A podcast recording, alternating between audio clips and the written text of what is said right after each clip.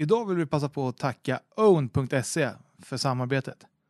På own.se kan du designa dina egna kläder och kepsar. Du kan även designa din egen rallybil där med flera olika modeller att välja på. Own.se O-W-N-E-D.se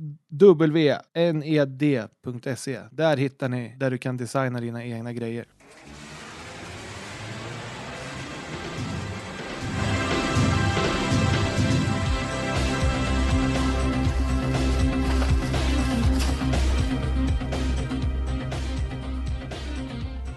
Hej och välkomna till Rallypodden. Idag så har vi en riktig publikfavorit med oss i studion. Men Daniel, hur har påsken varit för dig? Han har varit eh, väldigt bra. Lugn och skön och bara mått gött. Och ätit gött med. Bara suttit hemma och Ja, chillat sig? precis. Ja, härligt, härligt. Det är så det ska vara. Eh, Din påsk med? Vart bra? Ja, men det tycker jag. Den har varit väldigt stillsam. Inte varit ute och flängt så mycket. Så det är skönt att man får komma hit och Mm. hitta på något i alla fall. Ja. Aktivera sig lite. Ja, ja och det är ju inte så mycket rally att prata om heller. Ja, jo, jag var på rally i lördags förresten. Eller i fredags. Jaså? Ja, visst. Var på tävling utan specialsträckor. En tussbesiktning. Ja. Stilla abstinensen lite. Fick du höra några varvstopp då? Några som torrgasar lite? Inte ens det fick vi höra. Nej. nej. Det var dåligt med det. Men i alla fall. Då är det ju skönt att vi kan komma tillbaka hit och ha med oss en riktigt grym gäst som vanligt. Ja. Han har varit med om mycket, fa- fast han är så ung. Testat på de flesta bilarna skulle jag vilja säga. Och alltid en skön prick att lyssna på på rallyradion och i alla sociala medier och så. En vältalig person skulle jag säga. En smålänning nerifrån Skillingaryd. Välkommen Marcus Jorin. Tack så jättemycket. Hur har din påsk varit då? Jo, men den har varit bra. Vi har hållit på i huset i vanlig ordning. Och, eh, nej, det har inte varit, det har varit ganska lugnt. Ja, du har blivit snickare nu på äldre dagar. säg. Ja, vi har väl hållit på att snickra till och från här i tre eller fyra SM-säsonger höll jag på att säga, men eh, eh, ja, nu har vi flyttat in i huset och det känns jäkligt bra. Ja, det kan jag förstå. För det, det var väl ett riktigt renoveringsobjekt som jag förstod det som. Ja, ett eh, hus byggt sent 1800-tal. Så eh, vi har ju rivit allting och byggt upp det från nytt. Härligt. Men vem är Marcus Theorin då? För de som inte vet. Ja, 26 år, född i Smålands Stenar. Och eh, uppväxt med rally och bilar runt om mig hela tiden. Nu bor jag i Taxing ihop med en också rallyintresserad tjej, Sofia Karlsson, och dotter på fem år. Du ser, alltså det vävs ihop det här med rallylivet. Alltså. Jo, men så måste det vara. Man måste, man måste ha en förstående sambo, så är det bara. Det är ju ett väldigt stort plus i kanten i alla fall att ha det. Ja, absolut. Vi har ju haft väldigt många sena garagekvällar under min rallykarriär. Så Va? Jag trodde alltid du var hem. Alltså du bara åkte tävling, ställde bilen i garaget och sen var det klart. Sen. Alltså, bytte, Lite ta, bytte tak någon gång med. Gjorde jag. nej. Inte så här två, tre gånger på en säsong. Ah, två gånger i alla fall. Ja, det, det är ju lite jobbigt då, men du lärde dig att vara jävligt snabb på det säkert. Ja, jo, men vi är duktiga, jag och mina grabbar, på att byta tak. Det, det har vi fått höra många gånger. Härligt. Men hur kom du in i rallysporten? Du sa att du har varit sedan barnsben, så jag kan ju tänka mig att det är genom föräldrar eller någon nära släkting eller något. Ja, pappa och min farbror har ju alltid hållit på med rally. Thomas Theorin heter min farbror och kör. Han är fortfarande ganska aktiv i rally historiskt då. Så eh, jag har ju varit med dem ända sedan, jag tror jag var tre veckor när jag var på första rallytävlingen. Men det är ändå skönt när man har hela släkten bakom sig sådär, när du till och med fler, alltså både pappa och farbror och grejer också som är med. Ja, de har ju egentligen, både pappa och Thomas har ju skött min sponsorbit egentligen hela karriären. Så det, det har ju varit grymt skönt. Ja, om vi tar det, här, vi kan börja med sponsringen. Alltså, hur stor del av det har, var, har varit till hjälp, eller vad ska man säga, till att du har kunnat gjort dina satsningar som du har gjort? Det har ju varit sjukt stor hjälp, men eh, vi har ju aldrig... Vi har, vi har i princip bara haft kompisar spon- som sponsorer. Kompisar till pappa, kompisar till min farbror och eh, ja, lite av hans gamla kunder och så vidare. Men eh, jag har haft ungefär hälften av sponsorintäkterna har täckt våra säsonger ungefär. Och det är jättebra att få den hjälpen och som du säger att ofta så är det ju kompisar som hjälp, man hjälper tillbaka, alltså tjänster och gentjänster och sen att ja men Marcus, ja men han har vi ju sett sen han var som en liten grabb, det är klart han ska få hjälp från oss här och Ja, precis. Sen har jag haft eh, chefer som har varit sponsorer och fortfarande är sponsorer och så vidare. Så att, nej men det, det är grymt, grymt stor hjälp har det varit. Och jag måste säga, jag tycker ju du är rätt duktig med att att profilera dina sponsorer på bilar och, och så också. Att det väger ju väldigt mycket in till vad de får tillbaka från chaufförerna och, eller från teamet överlag. För det är ju inte bara du, alltså ni är ju flera om bilen. Jo men så är det ju. Och eh, det har alltid varit viktigt för mig eh, att eh, ha en snygg bil som är väl i ordning och sponsorerna ska synas på bilen. Och det är ju deras sätt att, att kunna göra det. Och sen att de kanske kan få följa med ut på något evenemang eller något som, som man gör under säsongen. Eller att man kanske har någon avslutningsmiddag med dem eller något. Ja, vi har alltid haft under Skilling 500 har vi haft en bussresa ihop med sponsorerna då. Så eh, då har man ju fått showa lite för dem. Men det är ju exemplariskt att ha med något sånt. Alltså, ta, ta med dem ut. För, det, för gemene man så är det inte så lätt att komma ut på en rallytävling och ja, men ni ska åka till den här specialsträckan och gå in i det här vägbytet. Eller, det är väldigt svårt att förklara på ett bra sätt vart det kan vara roligt att se på rally också. Ja, precis. det har ju varit... Alltså det, är, det är sjukt enkelt att arrangera något sånt egentligen. Det, det, man kan fixa sponsring på en buss och så kan man ha någon som kör den då. Sen ska man ha en, en person som är duktig på att prata som följer med och kan lite om rally då. Eh, sen är det ju korv och bröd, dricka. Det, det kostar max, det kostar mig max 10 000 kanske per gång.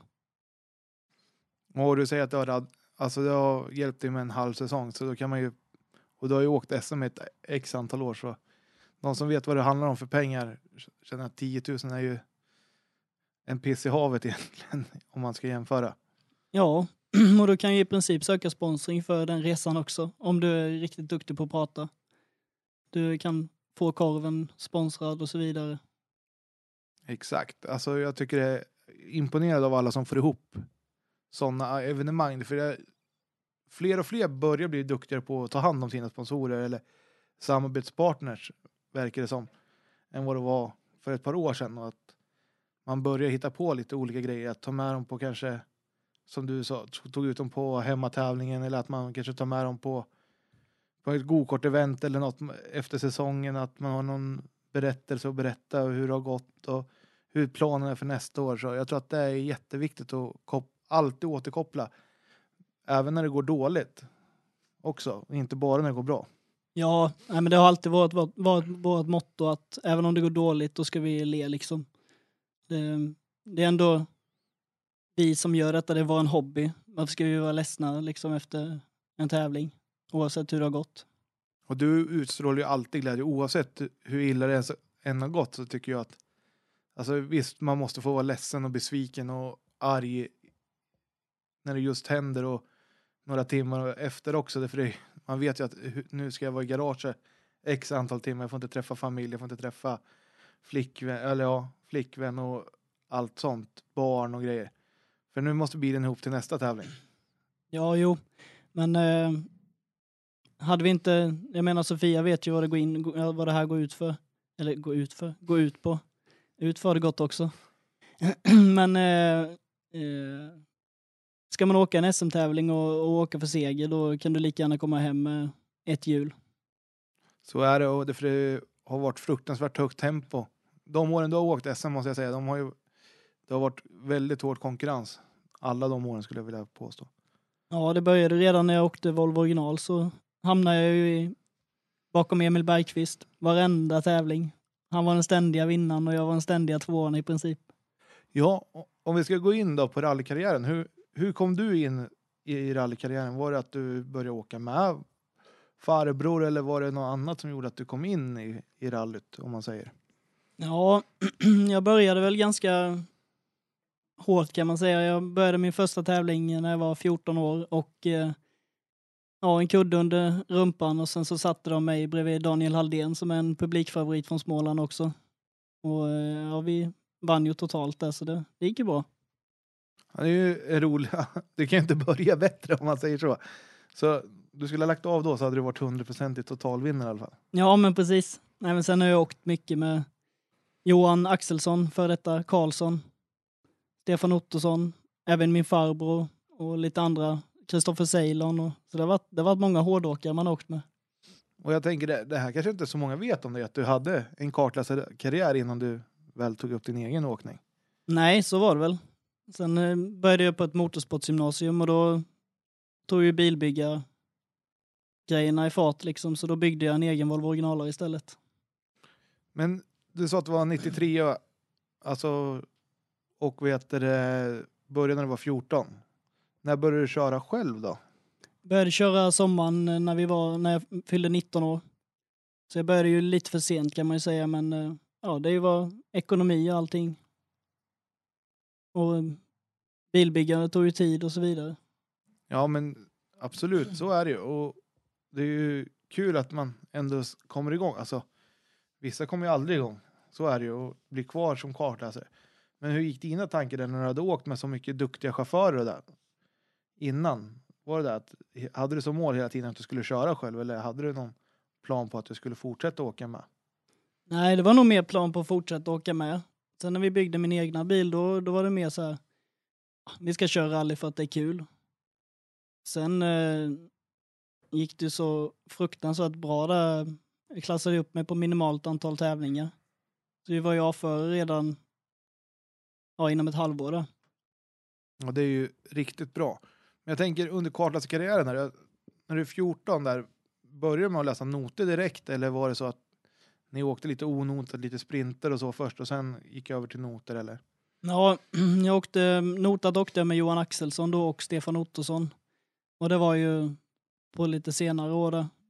Så jag började med att åka småtävlingar. Åkte du något med, skrev ni in något eget eller var det bara arrangörsnoter när du åkte med de här killarna? Nej, det var bara arrangörsnoter. Typ Sydsvenska rallycupen och... Ja, precis. Men sen när du väl fick ordning på din egen bil, hur gick tankarna vem skulle åka med? Hur resonerade du där? Skulle, ville du ge tillbaka till de som hade som, som du hade fått åkt med eller ville du hitta någon ny som du kunde knyta an med?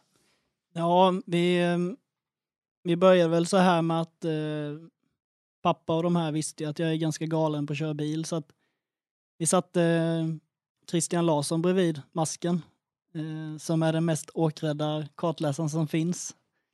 Och eh, det gick riktigt, riktigt bra. Han åkte med mig i tre tävlingar tror jag. Och eh, sen då så mer rutinerade Stefan Olsson som åkt mycket fyrhjulsdrivet hoppade med in då i stolen så Nej, det var nog ganska välplanerat där med att inte göra en skrotning första tävlingen. Ja men det är ju jättebra. Alltså, jag tror masken han har nog lite han har ju egen rutin av att köra själv också och kanske kan bromsa när han känner att nu börjar det gå lite över gränsen här innan det är för sent. Ja, det var, det var verkligen riktigt, riktigt nyttigt att han åkte med det. Sen eh, Stefan, det, det blev ju, det var ju fullfartsnoter direkt liksom, inte en inbromsning. Nej, han var inte lika alltså han ville vinna precis som du eller? Ja, precis, precis. Men du säger att du börjar mitt i en säsong. Hur var det att komma in? Alltså, du tog dina avförarpoäng på det här halvåret och upp till, till vintern. Vilket år var det här för, för det första? Det var ju 2012 då. Så eh, nej, 100% avförare var jag inte för jag åkte Finnskogsvalsen som B-förare och klassade upp mig där. Det var sista, sista tävlingen vi åkte men det var 2013. Ja, var det inte då du åkte av i målsvängen efter mål? Jo, efter målskylten lyckades vi åka av där. Du ser. Men du var ju, då lyckades. Det är ju bättre att åka av efter målskylten än att åka av innan. Jo, men så är det ju. Vi fick ofta höra, jag och Emil där när vi åkte Volvo Original och Sverigeserien, att de där jävla C-förarna, vi hade fuskbilar och det var ena med det tredje, men nej. Ja, Men det är som du säger, alltså, det är mycket av de här wokförarna brukar skylla på att det är fusk eller att det inte står rätt till med motor eller Så alltså, jag tycker det är rätt tråkigt när man hör den här historien och att vissa åker diff, att vissa åker inte diffat. Och... Är, är det verkligen så som, som man hör ute i skogen också, att det är så mycket snack bland, bland de som åker vok? Jo, det är jättemycket snack bland, bland de som åker vok, så är det ju, men jag tror ju att det är ju inte, det är inte vinnarna, det är inte topp tre som fuskar. Det, Kanske Det- inte snackar heller. Nej, precis, det är ju de som snackar som oftast är bovarna skulle jag tro. Men du säger Emil Bergqvist och du, ja, Emil vet vi, han är en supertalang och komma in samtidigt som honom måste ändå varit en sporre att, alltså, någon jäkla gång ska ju slå Emil. Jo, men det, är- det är egentligen han jag tackar av att eh, man satsar så hårt som man gjorde. Man eh, tänkte inte på bilen utan man tänkte mer på att få före honom. Sen, eh, det var ju 2013 där vintern också, då åkte han faktiskt en tävling med mig. Eh, Gästrikekannan tror jag det var. Och det gav ju något fruktansvärt mycket. Han skulle ju åkt med mig första tävlingen och åkte egentligen, för han kunde ju verkligen förklara hur en wokare skulle tas. Hur mycket skiljer, är ni lika gamla, eller hur? Eller är han ett år yngre till och med? Nej, jag tror vi är lika gamla faktiskt. Men då, alltså jag tycker det är så kul att höra att ni är värsta konkurrenterna i, i en serie men ändå så väljer du att ta med honom som kartläsare i en tävling som går utanför. Ja, precis. Det bästa minnet jag har där egentligen, det var ju mitt inne på en sträcka så var det en vänster 3 plus tror jag det var. Och jag släppte av och han skrek och gapade åt mig att jag var en fegis och så vidare. Och sen kom nästa vänster 3 plus, det var målsvängen. Då var vi inte ens nära på att klara svängen kan jag säga, för då släppte inte jag. Och då var han nöjd eller? Vad fick du för kommentar då? Jag hade ju facecam så den ligger nog ute på Youtube till och med, där kan man se hans ögon. Ja, då får vi gå in och titta. Är det bara att söka på Ma- Marcus Theorin Gästrikekannan eller? Ja, något sånt. Härligt. Men hur, hur fortsatte säsongen där 2013 då? Ja, vi, vi skulle åka så mycket tävlingar som möjligt. Vi fokuserade inte på någon kupp utan det var bara att åka så mycket tävling som möjligt och få så mycket erfarenhet inför nästkommande år då om vi skulle satsa på Sverigeserien 2014 var ju tanken då kanske. Hur gick det då? Alltså, du, hur mycket vinter åkte du? För jag tänker, en pojk nere från Småland har inte jättemycket vintervana. Nej, vi åkte, vi, vi åkte två, tre tävlingar vinter där. Och eh, sen hoppade Stefan av eh, som åkte med mig.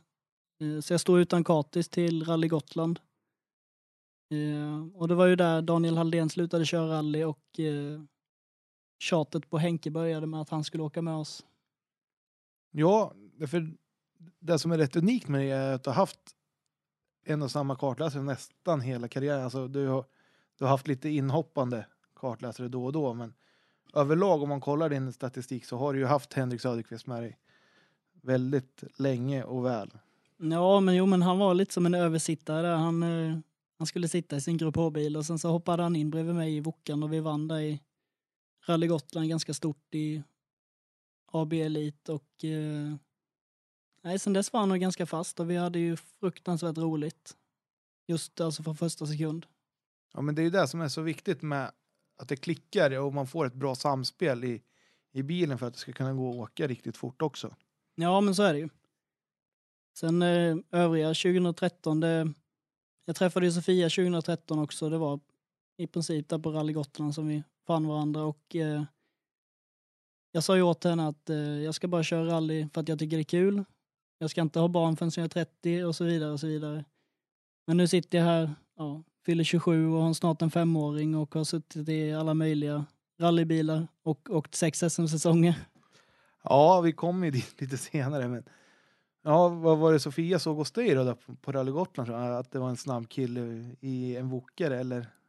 Ja, det måste ju varit det. Sen hade jag väl frisyren åt rätt håll kanske också. Det kan ha varit så alltså. Ja, vet du det. Men jag tänker, det, ni måste ju haft rätt långt avstånd mellan varandra.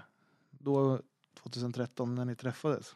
Nej, jag jobbade faktiskt i Örebro. Ja, i och för sig, det är ju 13 mil tror jag det var, men, men jag jobbade ju åt eh, Empart som höll i Rally Out Sweden, om man säger, som hade hand om alla Mitsubishi Grupp M-bilar och även de som byggde Miragen nu då, R5-kopiorna.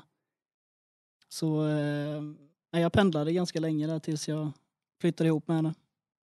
Ja, men då var det skönt att du inte var nere i Småland i alla fall. Att det var en bit närmare på vägen i alla fall. Ja, precis. Annars hade det nog inte varit möjligt. Så. Men hur var det att jobba där uppe då? Alltså få jobba med sin hobby kan ju inte vara helt fel. Nej, det var jätte, jättekul. Det var ju fruktansvärt krävande dagar. Det var ju aldrig mindre än 12 timmar och man jobbade varje helg och så vidare. Så man, det var väl egentligen när man träffades via som man såg att eh, man både hade en hobby och att man kanske hade talangen att köra och borde fortsätta och satsa på det också. Hur länge jobbade du hos Empart? Eh, jobbade till slutet av 2013. Så det blev eh, hela den säsongen om man säger, alltså med pendlande. Ja, precis. Det, november tror jag flyttade ihop med Sofia 2013. Men vad, vad, vad gjorde, jag tänker du, man hittar väldigt mycket nya kontakter när man jobbar inom samma bransch som man har en hobby kan jag tänka mig. Är det något du har tagit med dig därifrån? Tips och råd och grejer? Jo, men så är det ju. Jag, jag meckade ju åt SM-vinnarna liksom så att eh, dels så fick man hjälp, och man fick lära sig att ställa in bilar och så vidare. Samt att eh, mycket av det här med sponsorer och jobba proffsigt, det fick man ju lära sig då. Det är ju guld när man kan ha sådana lö, löneförmåner om man säger i sitt privata arbete också och ta med sig ut till sin egen karriär. Ja, det, det underlättar kan man säga. Men du fortsatte åka under 2013 och åkte du väldigt mycket, alltså jag tänker om du jobbar i Örebro, åkte du både i Småland och uppåt i landet också eller var det mest nere i Småland du åkte då? Ja, det är som jag brukar säga, vi, vi brukar åka mellan Simrishamn och Östersund. Det, det är där vi åker. Ja, så du åkte över hela Sverige. Säg, Ja, äh, äh, tack vare att du inte följde någon kupp så kunde du kanske välja lite mer fritt så ja och, precis. och anpassa dig efter vart, det, vart du vill åka. Ja, vi, vi åkte väldigt mycket tävlingar där. Vi åkte ju på ett och ett halvt år åkte vi 27 tävlingar så det var ju det var ganska intensivt och roligt. Under den tiden, jag tänker du har ju alltid varit känd för att ladda väldigt mycket. Men jag tänker boken, du höll ju ofta på vägen då och var fruktansvärt snabb ändå. Ja, men jag tror att eh, pappa han lackade nog eh, var det 17 backspeglar och 12 framskärmar eller någonting under den där 27 tävlingar. Sånt där är ju kul att föra statistik på. Ja, exakt. Det var, eh, nej, det var många sådär frontspoilar och någon bakskärm gick det åt också visserligen. Ja, men då visar man ju att man har till farten i alla fall. Alltså, om det bara tar i lite grann. Du, du blev ju aldrig kvar ute i skogen. Sådär. Nej, det var en... Rally Småland blev vi kvar i skogen. Det blev vi. En hård fight med Håkan Ståhl och Per-Ola Törnberg. Annars så blev vi aldrig kvar på grund av avåkning. Så vi, vi körde ju ner en telefonstolpe i Skillinge 500 på grund av att Kristoffer Karlsson hetsade oss. Men, eh, men eh, nej, det, vi var ganska vägsäkra då. Det är ett vinnande koncept för att få så mycket mil i kroppen som möjligt om du ska åka Sverigeserien året efter så är det ju guld värt att ha alla mil i kroppen du kan få och på olika vä- vägkaraktärer också. Ja, precis. Jo, men det, det är ganska stor skillnad mellan Kil till exempel och eh, en krokig väg i Småland. Ja, det är som natt och dag säg. Men hur gick tankarna då här när du träffade Sofia? Ni flyttade ihop i slutet av året där säger du och, och du bytte jobb också. Hur gick tankarna hos dig då med rallykarriären och så? Nej, men jag, jag började jobba åt Pierre Tolf i Gnesta på Autoexperten och eh, han var också ganska sporrande och eh, hjälpte till ganska mycket ekonomiskt så att eh, allting bara växte och blev större och större. Men när vi väl kommer till eh, 2014, du, hur gick tankarna där i vintern 2013? Vad, vad skulle du hitta på? Nej, men det, samtidigt som jag tröttnade lite på Wokan så eh, var det svårt att få en budget och hitta någon annan bil att åka i. Och det var ju då vi köpte i princip den roligaste bilen jag haft och kanske den som gjorde mig till den publikfavoriten man är. Så jag köpte ju Corsan där i, ja, ganska tidigt 2014 eh, bakom ryggen på pappa dessutom. Oj, spännande. Låt oss höra hur storyn är där bakom. Det vill jag höra i alla fall. Nej, men jag och pappa har aldrig varit osams och då pratade vi inte på en månad tror jag. Så att det, han tyckte inte jag skulle åka grupp H för han visste vad det kostade. Och då tänkte du, "Ja, men jag köper en bil men jag säger inget, eller hur tänkte du där? Ja, det, det gick helt och hållet bakom ryggen på honom och eh, ja, det, det, hans, hans första kommentar var i princip att eh, vet du vad ett motorras kostar på en sån? Och första sträckan i Simrishamn så körde vi motorras, första tävlingen vi åkte, så jo, jag vet exakt vad det kostar. Han, vad sa han till dig efter, alltså, Nej, det var ungefär en sån här, vad var det jag sa? men du, ni fick ju ihop det och du fortsatte ju åka rätt mycket tävlingar med korsan också. Ja, jag drog en snyftstory där till Pierre, chefen, och han köpte en ny motor åt oss. Så det, Det är då man är så tacksam att man har folk bakom sig som förstår vad sporten innebär också. För Pierre och jag har ju också hållit på med rally själv. jo, han vet ju exakt vad det kostar. Så det, men eh, tungt att börja året med ett motorras. ja, det var segt var det.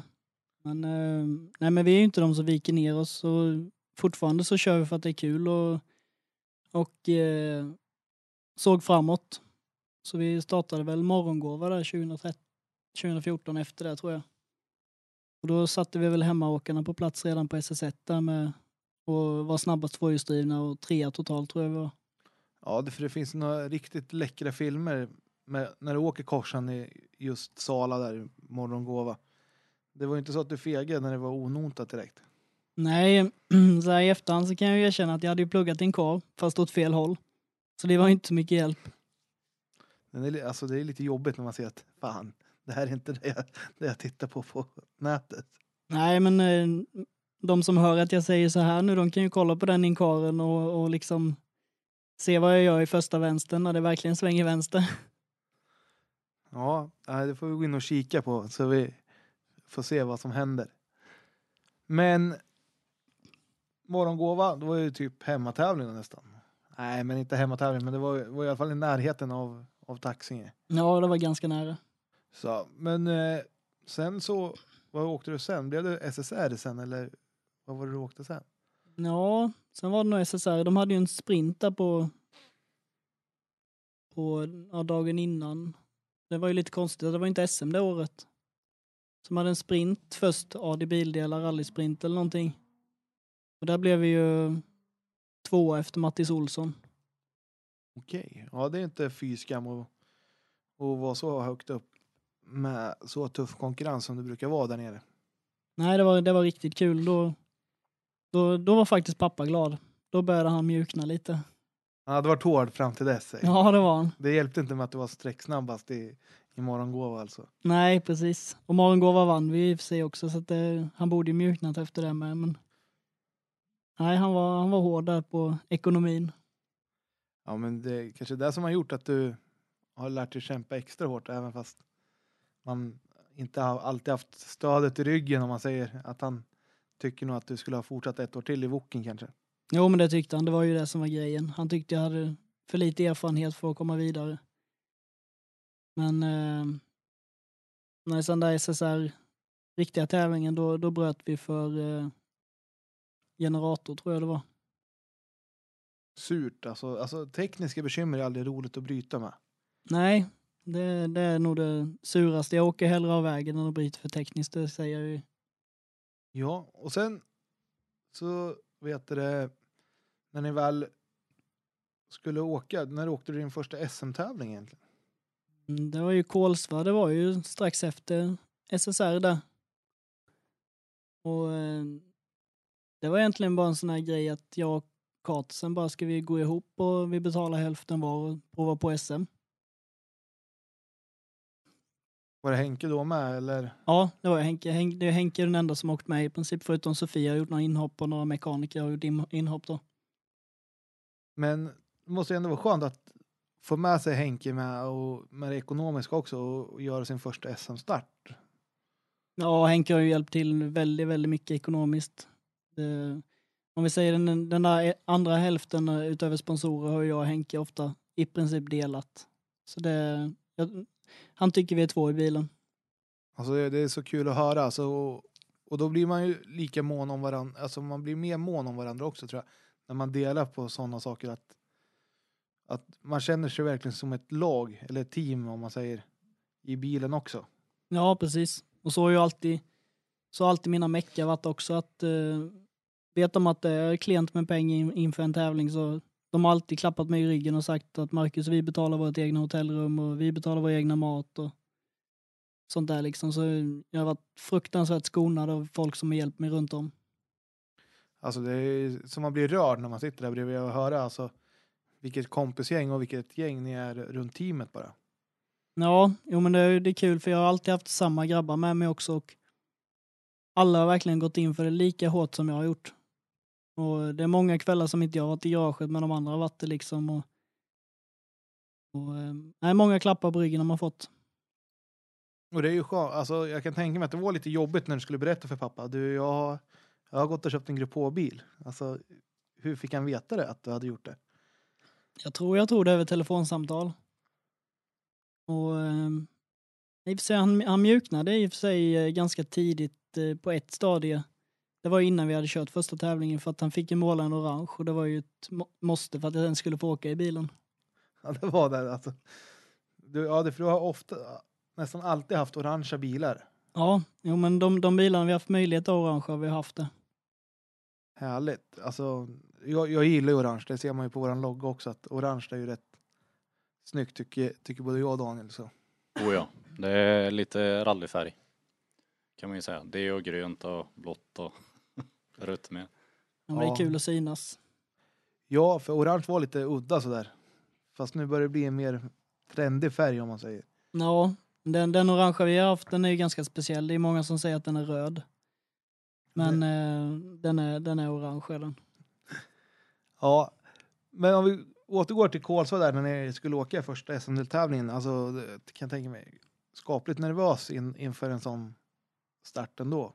Ja, fruktansvärt nervös fast ändå, man visste inte vad det var. Det var liksom reken och ja, det var ju spännande att få se vägen innan och sen så, sen var det liksom flat out från första metern och hela junior var nog fruktansvärt laddade, kommer jag ihåg där med eh, inför start så jag tror vi, det, var, det var där egentligen junior bröt lös på riktigt och blev en showande klass. Ja, för det hade ju gått lite stilt i SM där eh, början på 10-talet, alltså om man säger slut av 00-talet också att det var det var ju typ 40-50 bilar som åkte SM där ett tag. Och så hände det ju något här i det, som du säger runt 2013 eller 2014 2015 hände det ju någonting med SM överlag. Ja, det blev, startlistorna blev ju helt annorlunda. Vi var ju ofta 20 stycken juniorer liksom. Och jag tror att det har satt lite mer prägel på rally överlag i Sverige också. Alltså man, folk pratar mer rally om man kommer ut utanför rallykretsar också. Ja, och eh, tror m- många som åker på SM, de åker för att se juniorerna som är helt blinda liksom. Men ja, de är, ni är ju lite tokigare än de andra. De, de tog det ett snäpp. Ja, inte de som laddade hårdast i grupp H och, och de som slog som vinsterna i VRC då, om man säger som var huvudklassen då. Nej, men sen samtidigt så var det, det var ju mycket det där med att vi startade som bil nummer ett, två, tre, fyra, fem liksom. Det, det var halt att köra där och man ville ju vara med och slåss med stora grabbarna på deras tider. Så där, det var ju därför vägen inte räckte till alltid. Nej, men eh, hur gick det i Kolsva då när, du, när ni väl kom igång där? Jo men det gick bra. Vi låg, fightades med Pelle Wilén och Branteström där så vi låg trea större delen av tävlingen tills de jagade av varandra vägen kan man säga. Och när eh, sista bilen försvann där av de två då fattade vi inte att detta var sant. Det var ju bara att försöka ta det i mål och, och eh, bära hem första SM-segern på första SM-tävlingen vi åkte. Alltså du har ju något magiskt här. Första tävlingen du åker blir totalseger. Första SM-tävlingen du åker vinner du. Alltså du, du kanske skulle byta och åka första grejer i allting. Ja precis. Ja, men eh, jag kan tänka mig hur känslan var, men alltså berätta. Nej, men den var ju, den var ju obeskrivlig. Vi, jag kan väl berätta att vi, eh, när vi låg trea där och jagade och jagade och jagade och inte kom ifatt så i målsvängen på en sträcka så eh, jag hade nog 40-50 kilometer för timmen för, hö, för hög fart med korsan och den var ganska förlåtande men stenen i diket var ju inte det så vi krökte i bakaxeln fruktansvärt och sen var det service efter den sträckan tror jag det var. Och vi fick låna en axeltapp av Steve Olofsson och äh, många var och bankade och slog på bilen för de ville banne med se oss komma i mål. Och, äh, sen åkte vi där med en krokig bil och fortfarande kunde vi bära hem segern med ganska god marginal mot killar som vi har fightats med i, svenska, eller i Sydsvenska rallycupen tidigare. Och det kändes nästan enkelt om man får säga så. Alltså, det måste ju vara så grym känsla när man har, som du säger, kommer massa folk på servicen, hjälper en och sen att man kan hålla det ända in i mål då. Alltså, och ge tillbaka till de här som har hjälpt en så mycket också. För det är ju lika stor seger för dem som det är för dig själv. Ja, precis. Sen, eh, nej jag vet inte vad man ska säga, men det, det var, det var tårfyllda ögon när vi åkte mot eh, slutmål där på mig och Henke. Det, och framförallt på pappa och Thomas och de här, de var ju lyriska. Du, det kan jag förstå. Och det, med all rätt då var det också. Kan jag tänka mig att det blev en stor gruppkram när ni kom in till slutmålet där. Ja, exakt. Och det kändes, kändes coolt. Likesen de trillade in på Facebook och man kände sig så jäkla stor ett, ett tag. Ja, och, och det här, alltså sommaren 2014 måste ju ändå ha varit en rätt skön sommar för dig överlag. För sen var det väl dags för hemmatävling nere i Skillingaryd? Ja, då blev det ju ganska uppskrivet i tidningarna, hemma Värnamo Nyheter, de här tidningarna skrev ju att man, nu kommer SN-segraren hem och ska visa liksom. Och, det var ingen press då överhuvudtaget eller? Ja, men jag har aldrig haft press på mig, men då var det ju något fruktansvärt. Då skulle jag hem och slå alla helt plötsligt hur enkelt som helst verkar det som. Och i en Corsa A också, alltså det är inte den starkaste bilen att, att vara med och konkurrera i heller. Nej, man får ju vara lite dum för att hänga med med en sån bil. Ja, du får ju lämna hjärnan hemma om man säger så. Ja, exakt. Om man presterat i VOK då är det ju känt för att man inte har tagit med sig hjärnan ut. Ja, men så är det ju också. Men eh, Skilling 500 där när vi kom dit och man kände sig ju som kungen där och helt odödlig. Och ut på SS1 där och ja, vi sa väl egentligen ingenting till varandra jag och Henke utan det var ju bara seger som gällde. Och jag för mig sträckan var den var ganska lång sträckan, jag tror den var ungefär 10 minuter lång. Och eh, ja, ganska i mitten på sträckan så försvann ju vägen som sagt. Det var ju alldeles för hårt ladd. Så vi eh, slog sönder en fälg och pyspunka och spindeln var krokig och fjäderbenet var krokigt. Och jag linkades in mot mål där, sura som bara den. Du skulle visa dem redan på första att ja, nu, nu grabbar, nu har det kommit en ny smålänning som är, är snabbast här. Ja, precis. Och man hörde ju, det var ju många som sa det, vad var det vi sa liksom? Det, det skulle inte gå hela vägen i Skilling 500 för honom. Nej, alltså sånt snack går ju ofta. Alltså, när, man, när man väl börjar sätta resultat så kommer ju den här svenska avundsjukan som vi pratade om tidigare också. Att man bara, ja, nej, men förr eller senare så kommer man ju åka av vägen så, så kommer man lära sig. Jo, precis. Och det, jag håller väl i och för sig med om det där med att förr, förr eller senare åker man av vägen och lär sig, men men eh, nej, vi tappade, jag för mig vi tappade 18 sekunder på Mattis Olsson där som var snabbast på SS1. Så var det service efter sträckan och Erik framförallt eh, gjorde ju allt för att få ihop bilen så vi hade ju rätt tåvinkel men eh, kamben var ju åt fel håll. Ordentligt åt fel håll och bilen var ju lite vinglig på vägen och sådär men vi fortsatte mot SS2 tror vi satte en fjärde tid där och trean satte vi nog en andra tid på.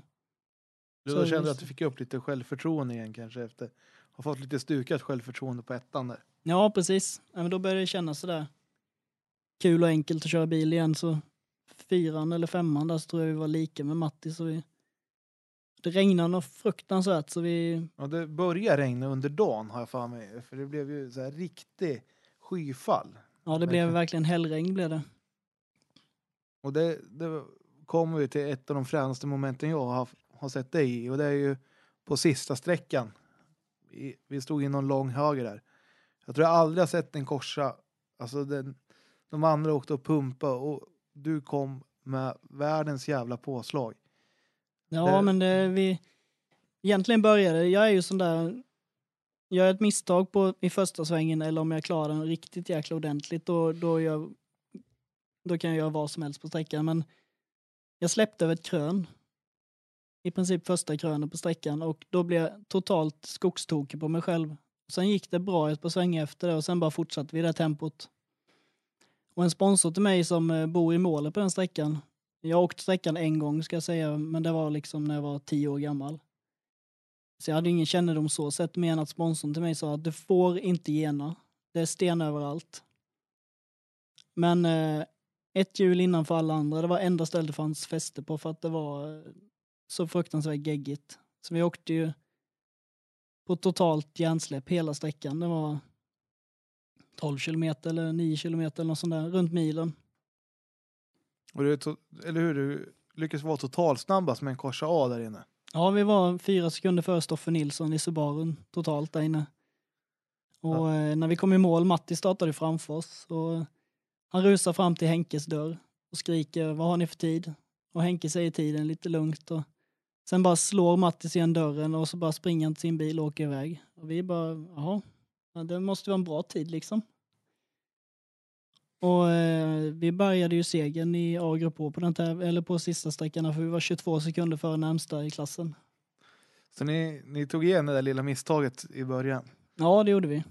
Jag vill se tidningsrubrikerna efter det. Alltså, har du jag, något ur, utklipp därifrån? jag kommer inte ihåg vad det stod, men eh, det var nog något i form av att teorin klarade pressen. Ja, du ser. Alltså, det, man, du, du kände ju det på dig redan i starten. Fan, jag måste ju släppa upp grabbarna så det inte blir en total kross. Jag kan inte förnedra dem helt. Nej, exakt. Nej, men sen, sen efter fyra... mm, Mattis tror jag parkerade lite längre bort. Jag skulle väl hitta något fel på bilen eller någonting så han hade något att skylla på. Men eh, nej, men efter, efter några kilometer efter det så kom han upp bredvid oss, jag minns det så väl. Han körde om oss och så räckte både han och, och Katsen finger åt oss och skrattade liksom. Så det var, det var gentlemannaaktigt ändå. Ja, men det är ju så det ska vara. Alltså, man får ju vara, det var som vi sa, man får vara sur, sur i stu, stundens hetta och sen efter en stund så får man bita i det sura att ja, idag fick vi stryk eller idag hamnar vi i skogen. Ja, precis.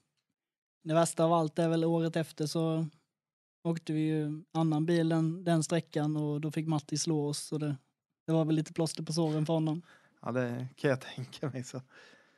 Nej, men jag tänker, när du har, nu har du tagit två riktigt stora skalper. Jag kan tänka mig att de är väldigt tongivande i din karriär också.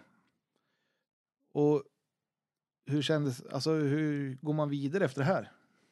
Nej, men det var ju det var mycket tankar i huvudet, framförallt efter första SM-segern att nu måste vi åka SM. Eh, sen eh, kort efter Skilling 500 så eh, åkte Sofia, hon åkte ju med Mattias Olsson då, gjorde en EM-satsning. Och eh, de var nere i Belgien och de åkte två tävlingar den veckan eller de veckorna de var borta och Sofia fick en panikångestattack där i Belgien. Så eh, jag och Mattias ena mekaniker, Ulf Tobiasson, åkte upp och, eh, eller vi flög dit. Så jag överraskade henne där nere och var med på deras EM-tävling då som meck. Och eh, det var ju med en R2 då, han åkte ju Fiesta. Och det var ju skithäftiga bilar tyckte man, så då började ju R2-tankarna.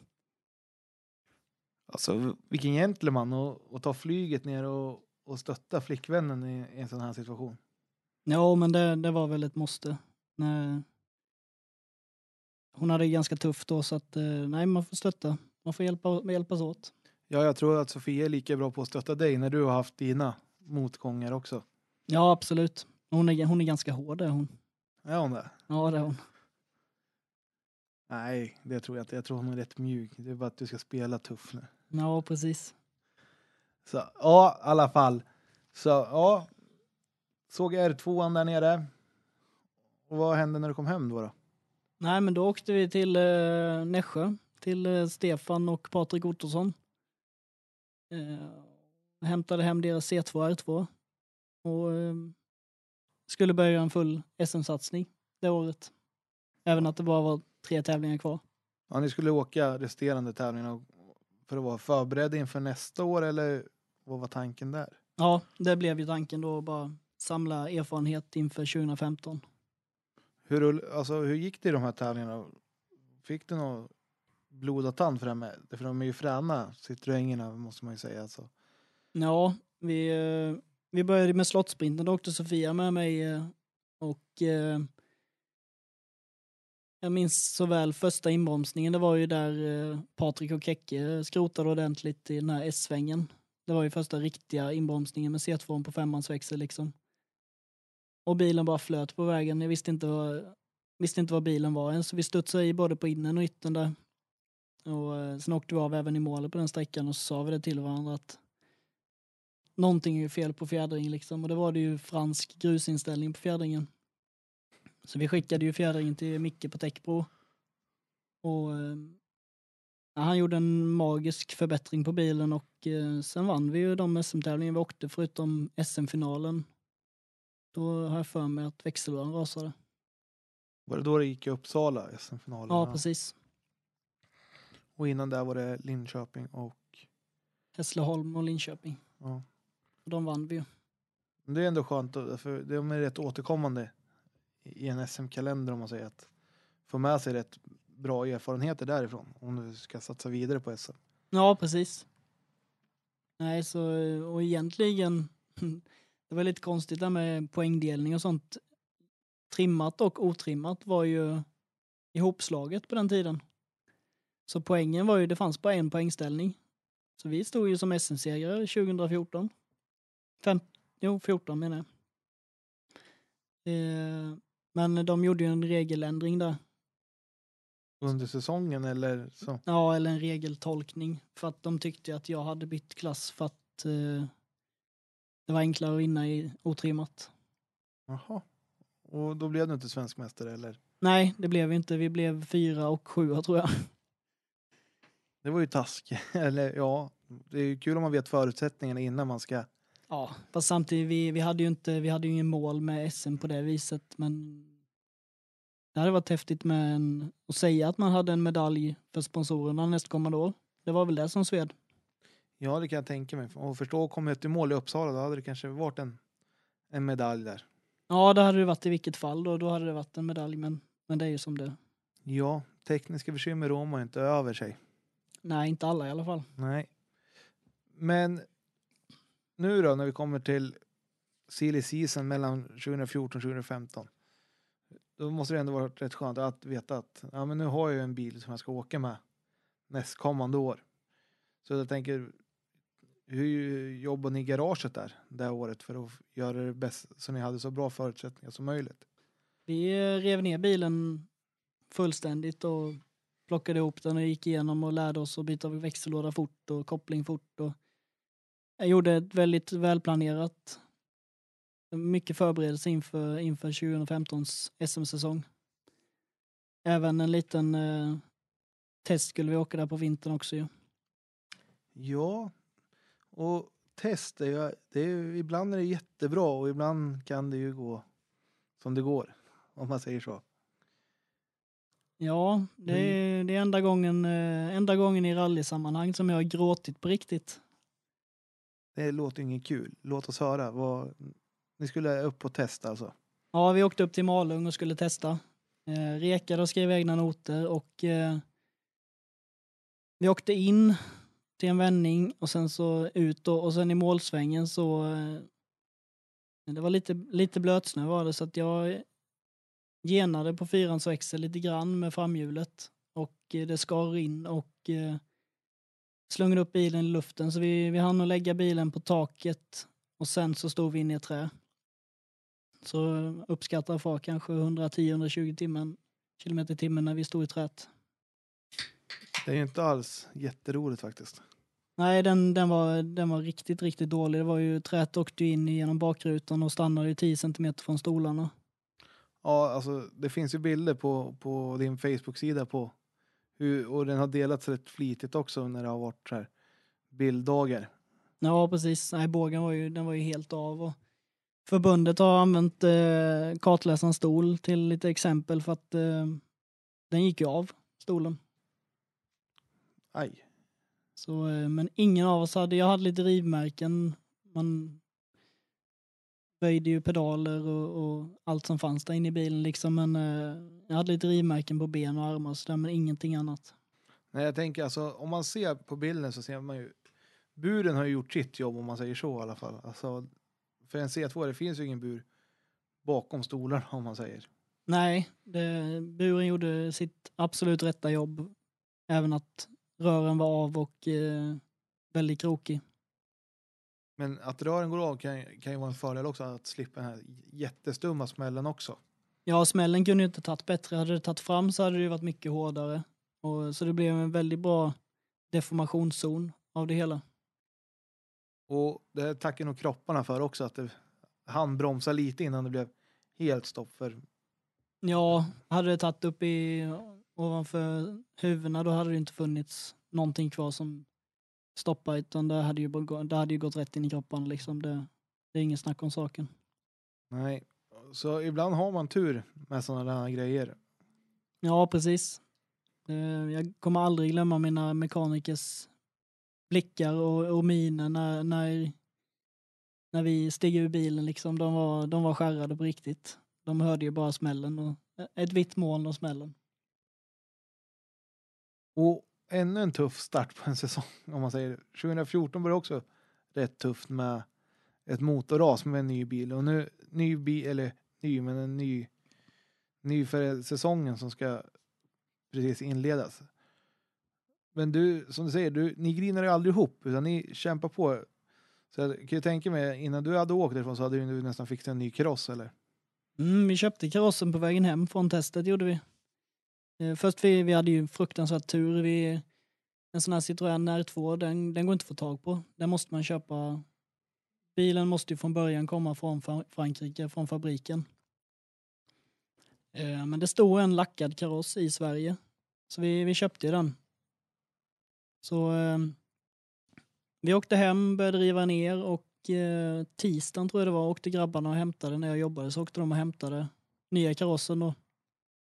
Det är då man blir så fruktansvärt glad måste vara att det finns en så nära. Tack vare att det är en R2 och en fabriksbyggd bil så kan du inte ta vilken kaross som helst som du säger. Och att det just finns en i Sverige för de är inte jättevanliga R2 C2 alltså. Det är inte så många som har åkt dem i Sverige. Nej, precis. Och allt pappersarbete genom SPF och Transportstyrelsen och så vidare, allting tar ju tid. Och, eh, nej, det var både SPF och Transportstyrelsen hjälpte ju mig väldigt hårt, men jag var också väldigt, väldigt planerad med mitt pappersarbete om hur saker och ting skulle gå åt och den ena mecken hade det hjulet, den andra hade det hjulet och den andra gjorde det. Så vi, vi hade ett mål. Jag ringde ring, ringde en homologerare. Så vi hade ett mål att söndag klockan 12 skulle den vara homologerad och Och färdig för start igen säg. Ja, han var där vid 11 har jag för mig och jag minns hur han stod och bara beundrade meckarnas jobb för de, de hade verkligen sin position och sitt i princip block att följa. Och eh, nej, vi drog åt sista stänkskyddet där strax innan 12. Och Han kunde göra, jag kunde göra fullfartstest utanför gården och han kunde homologera bilen. Skaplig återhämtning. På en vecka hade ni alltså byggt en helt ny R2 kan man säga. Ja, skrotning klockan 12 söndagen innan. Men var karossen i rätt färg vill man ju fråga. Nej, jag var ju tvungen att åka med den i vit färg hela säsongen. Jag misstänkte det. Det blir lite mer tid att slipa ner en nylackad och sen... Ja, det är lite tråkigt faktiskt. Ja. Men då är, om jag räknar rätt så lär ni ha hunnit till SM-premiären då för den var inte bara en vecka bort. Nej, två veckor bort var SM-sprinten i Örebro. Då åkte vi. Så vi, vi fick papperna på torsdagen innan sprinten där. Skönt. Alltså, och hur kändes det att sätta sig i bilen igen efter en sån här riktig resa? Jo, det kändes ju bra förutom att eh, overallen låg kvar hemma. Jaha ja. Och hur löste du den lilla detaljen då? Jag har för mig att jag och Janne Folkesson bytte overall mellan heaten för han åkte fyrhjulsdrivet och jag tvåhjulsdrivet. Så det var lite ombytta roller då. Du, fick ta, ta hans svettiga overall efter att han hade kört sig. Ja, exakt. Och så skulle jag slå igång torkan och det funkade inte dem. Så det var lite sådär små grejer som vi inte hade tänkt på liksom och, och glömt av. Men Men hur gick det under SM-sprinten då? jag kommer inte ihåg. Det var väl ingen succé. Det var väl som vanligt. Jag tappade en stötfångare minns jag. Det var ladd i alla fall. Ja, det var det. Det var det. Ingen tvekan.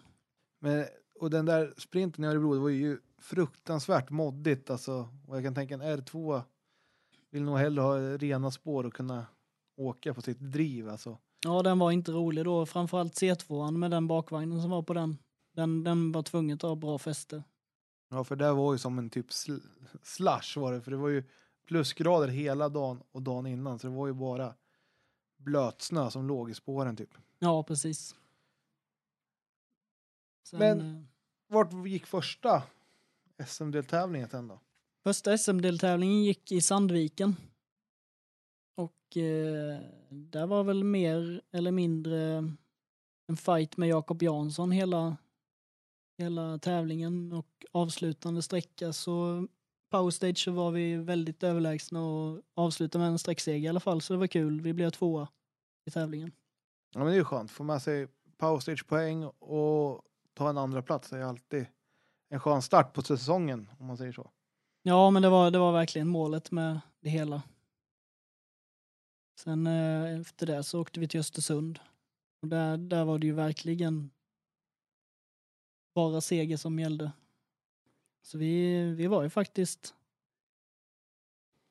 Vi var...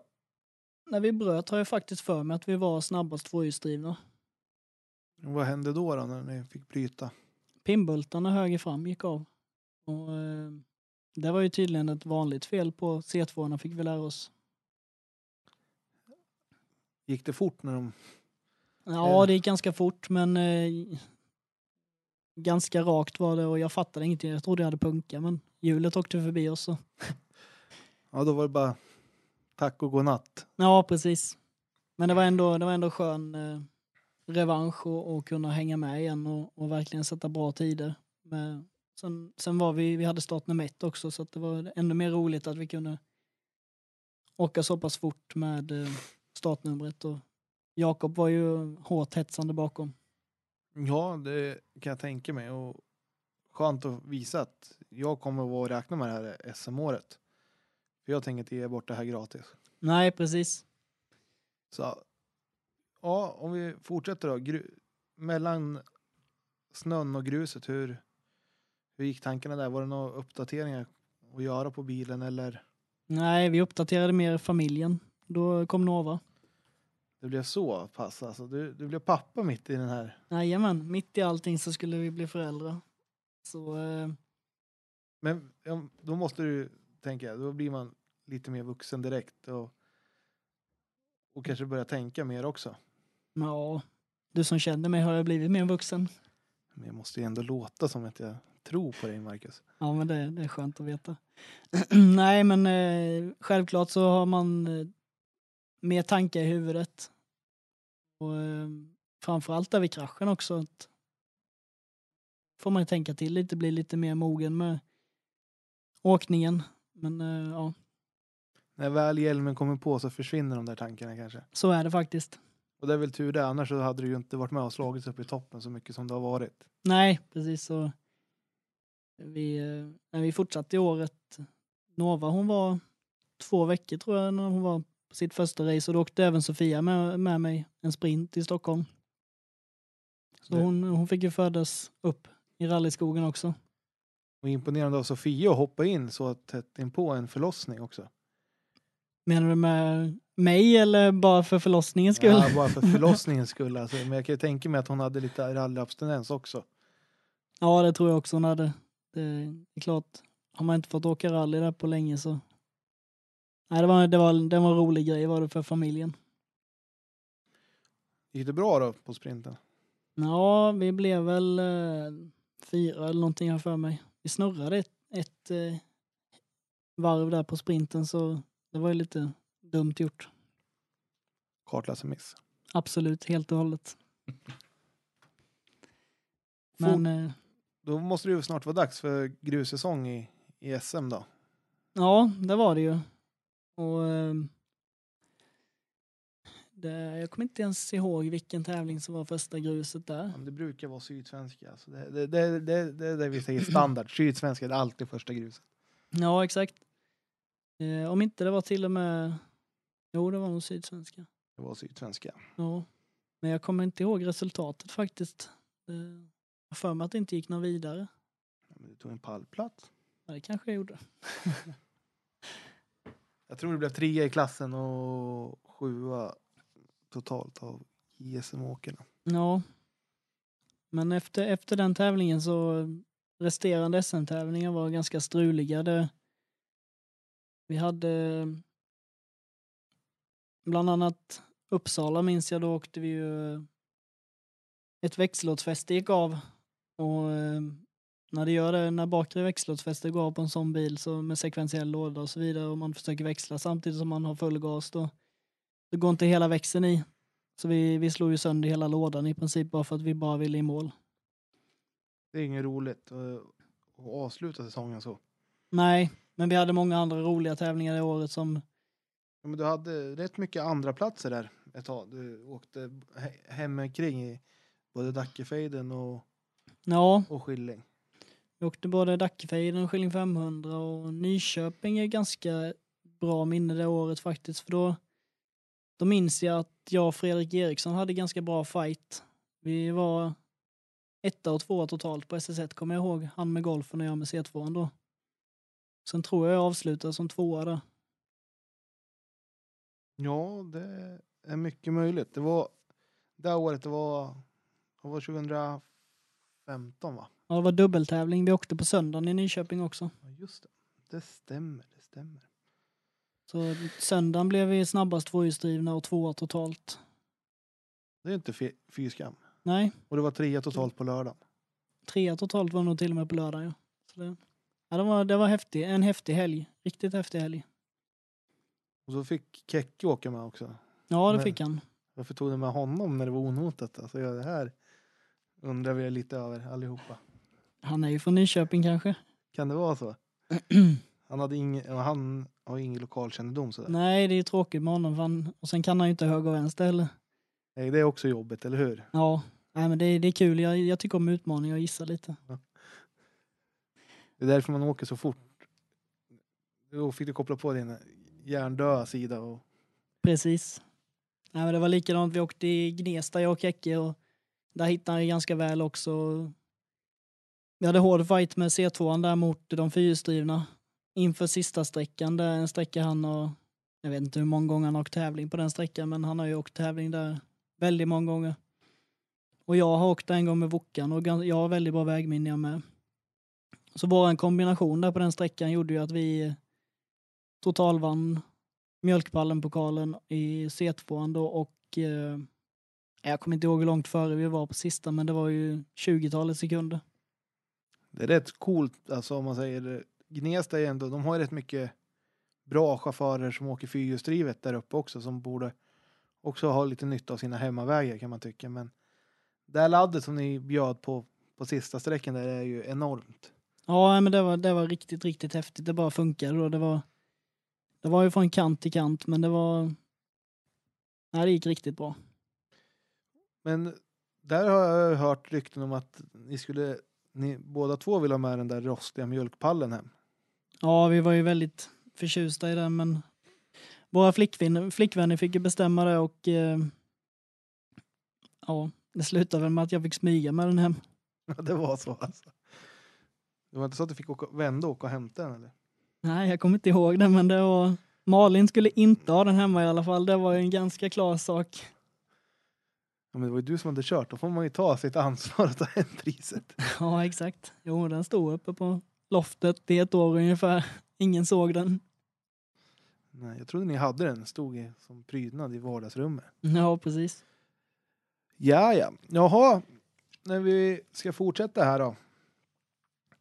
När, när vi kommer, alltså SM gick sådär alltså under hela året. Som jag förstår dig. Ja, precis. Nej, men det gick, det gick inget vidare. Det, det, var, det var en ganska tuff SM-säsong överlag. Men ehm, eh, vi gjorde ju en, en rolig jippogrej gjorde vi och det var genom en sponsor, Thomas Ingberg. Eh, så vi körde två tester faktiskt med hans 240 och åkte en tävling i den. Men även den bilen klarade inte av mina varvtal så att eh, Vad gjorde du då? Var det växellåda var med eller var det något Mm. annat? Nej, kopplingen sprängdes. Så eh, tryckplattan flög genom eh, bland Henkes fötter och någon del och gick in i motorhuven. Och... Det var en riktig explosion där. Ja, du ser, du, du får vara rädd om grejerna du lånar. Ja, men det, man ska ju köra för seger, då måste det varvas och slitas i grejerna. Det var ju på test eller var det på tävling? Nej, det var på tävlingen var det. Ja. På Annars test- ska man ju testa sådana saker. Ja, men då körde jag bara sönder en drivaxel. Ja, och sen blev det ny bil igen eller hur, hur var Ja. det där? Det var lite passande för att Samuel Gustafsson eh, från Valdemarsvik var sugen på en eh, R2 och eh, gjorde en ganska bra affär där, både jag och han. Och... Sen visste vi inte riktigt var vi skulle åka. Vi ville ju ha något värre. Eh, och så fick jag möjligheten att låna Daniel Johanssons eh, Evo 7 till Novemberskölden det året. Och den var, den var helt ihopskruvad, eller nyihopskruvad och, och eh, riktigt, riktigt fin med sekventiell låda och bra motor och så vidare. Ja, jag lånad bil här. Känner vibbar av att hur gick det här? Nej, det var en bult som rallade loss på SS1 så hjulet satt löst vänster bak. Men eh, en länkarm som lossnade. Men eh, Erik och de här grabbarna de fixade ihop det på servicen och det slutade med att vi tog totalseger där i novemberskölden. Men vilket år? Alltså, det tar flera totalsegrar men det går skit i SM. Alltså, hur skulle du sammanfatta 2015 egentligen? Nej, jag sammanfattar 2015 ungefär samma sak som jag sammanfattar hela min, alla tävlingar jag åkt. Att jag ångrar inte en sekund. Inte en avåkning, ingenting. Allt är häftiga minnen. Kan jag tänka mig. Och speciellt att få bli pappa, det måste ju vara det största som har hänt. Ja, absolut. Det, det slår ju allt, allt med hästlängder. Men i alla fall, jag är imponerad av att ta en totalseger med en C2 och sen gå över och åka en tung Evo. Det är inte så att det är någon likhet i körstil kan jag tänka mig. Nej, det var det verkligen inte. Och det var just det där med tung Evo. Det, det skulle ju visa sig att det passade väl kanske inte riktigt mig med en så tung bil. Det, Du måste Jag- planera lite då. Ja, man måste planera väldigt mycket i sin körning och likadant eh, tung bil då, då kan man inte vara riktigt lika hård vid grejerna heller. Så man ska nästan vara lite tråkig med bilen. Och tråkig och du, det är ju inte riktigt, det är ju typ motpoler mot varandra. Ja, jo men lite så är det. Jag vill ju gärna showa lite och, och eh, åka hårt. Men då, då då, ny bil inför 2016. Tankarna där på vintern var, var, var där att åka för att ha roligt eller? Nej, det var mer, det var SM som gällde liksom och sponsorerna var med mig stenhårt. Så eh, vintern var väl mer sådär plocka poäng. Eh, men det, jag kommer inte ihåg, vi, vi rasade en bakdiff men den bytte vi ju på på tävlingen där så det var ju, det var ju ändå okej men eh, men eh, nej, vintern gick ganska bra ändå. Och vilken klass åkte du med den här då? Det var ju trimmat fyrhjulsdrivet, nationell special. Ihop med R5 och VRC-bilar då. Och det var lite tufft motstånd helt enkelt. Ja, det var det ju. Men vi, vi hängde med bra gjorde vi. Det var, det var jäkligt kul. Kommer till, om man säger första SM-tävlingen nu. Vad var planen då? Var det att ta sig i mål så mycket som möjligt och få med sig så mycket poäng hela vintern och kanske kunna vara med och slåss lite bättre på sommaren eller? Ja, i och med att vi visste att bilen kanske inte räckte till då på, på vintern mot R5 så spelar ju ofta spelar det knappt någon roll hur, hur duktig chauffören är på en vintertävling med en sån bil utan det krävs väldigt mycket för att hänga med R5 och VRC där. När vi närmar oss gruset då, då, hur var planen då? Var det att försöka vara med på pallen i alla fall? Eller, alltså det, förklara för oss hur, hur tanken gick, för det kan ju vara omöjligt att hänga med vissa av de här. För Pontus åkte väl någon tävling med VRC det året i SM här för mig. Och det var ju, PG gjorde något inhopp också. Ja, Ja. precis. Och Nej, men det, det var ändå... Vad ska man säga? SM, det var, det var, det var prio, men det var... Det häftiga med det året var ändå att kunna åka de här mindre tävlingarna och veta att man är kapabel till att vara totalvinnare på alla små tävlingar. Det var nog största grejen. Det kan jag tänka mig. Alltså att få vara med överst på pa- alltså vara med hela vägen in i mål. Om totalseger, det måste ju vara hur härligt som helst. Ja, exakt. Vi åkte ju, vi började grussäsongen med Simrishamn. Och eh, där blev det ju totalseger det första, första vi gjorde där. Och där nere, där nere är ju kanske, alltså det, där nere går det att ladda lite i alla fall. Det är lite förlåtande natur om man säger. Ja, och jag minns pappas bil på vägen hem där vi plockade isär Evon på start och målplatsen där för att eh, han var inte riktigt nöjd på mig för att vingen var paj och bakstötfångaren var borta, framstötfångaren var sprucken. Skärmarna var buliga och bägge sidotrösklarna tror jag han fick lacka efter den tävlingen också. Men det finns ju när du åker ut i typ så här små sly och alltså det gick ju överallt har man sett på filmer. Ja, men det var, det var riktigt häftigt. Det, det är ett bra minne är det faktiskt. Men när vi rullar vidare sen då mot, mot fler tävlingar, hur, hur går tankarna då? Vi åkte ju... Nej, men som sagt, vi ställde ju upp i alla SM-tävlingar och många sträckor var vi så här 07 efter PG per kilometer och sådär. Vi fick ju tänka så lite mot VRC-bilarna. Sen hade vi ju väldigt mycket fighter med Adelsson bland annat. Minns framförallt SM-finalen innan min framdiff gav upp. Så eh, pendlade vi mellan andra och tredje platsen totalt där sträckvis. Han var före mig en sträcka, jag var före honom en sträcka. Och vi var även väldigt nära Pontus på många sträckor, så det var, där fick Evorna kämpa kan jag säga. Mm, och det var sista året SM-finalen gick i Uppsala har jag för mig. Ja, det var det. det, var det. Och det var så här kanondag, alltså det var ju superbra väder, alltså Ja, det var, riktigt, riktigt värdig SM-final kan man säga. ja, det var sjukt fint väder och, och eh, jag gillar Uppsalas vägar, de är, de är häftiga de.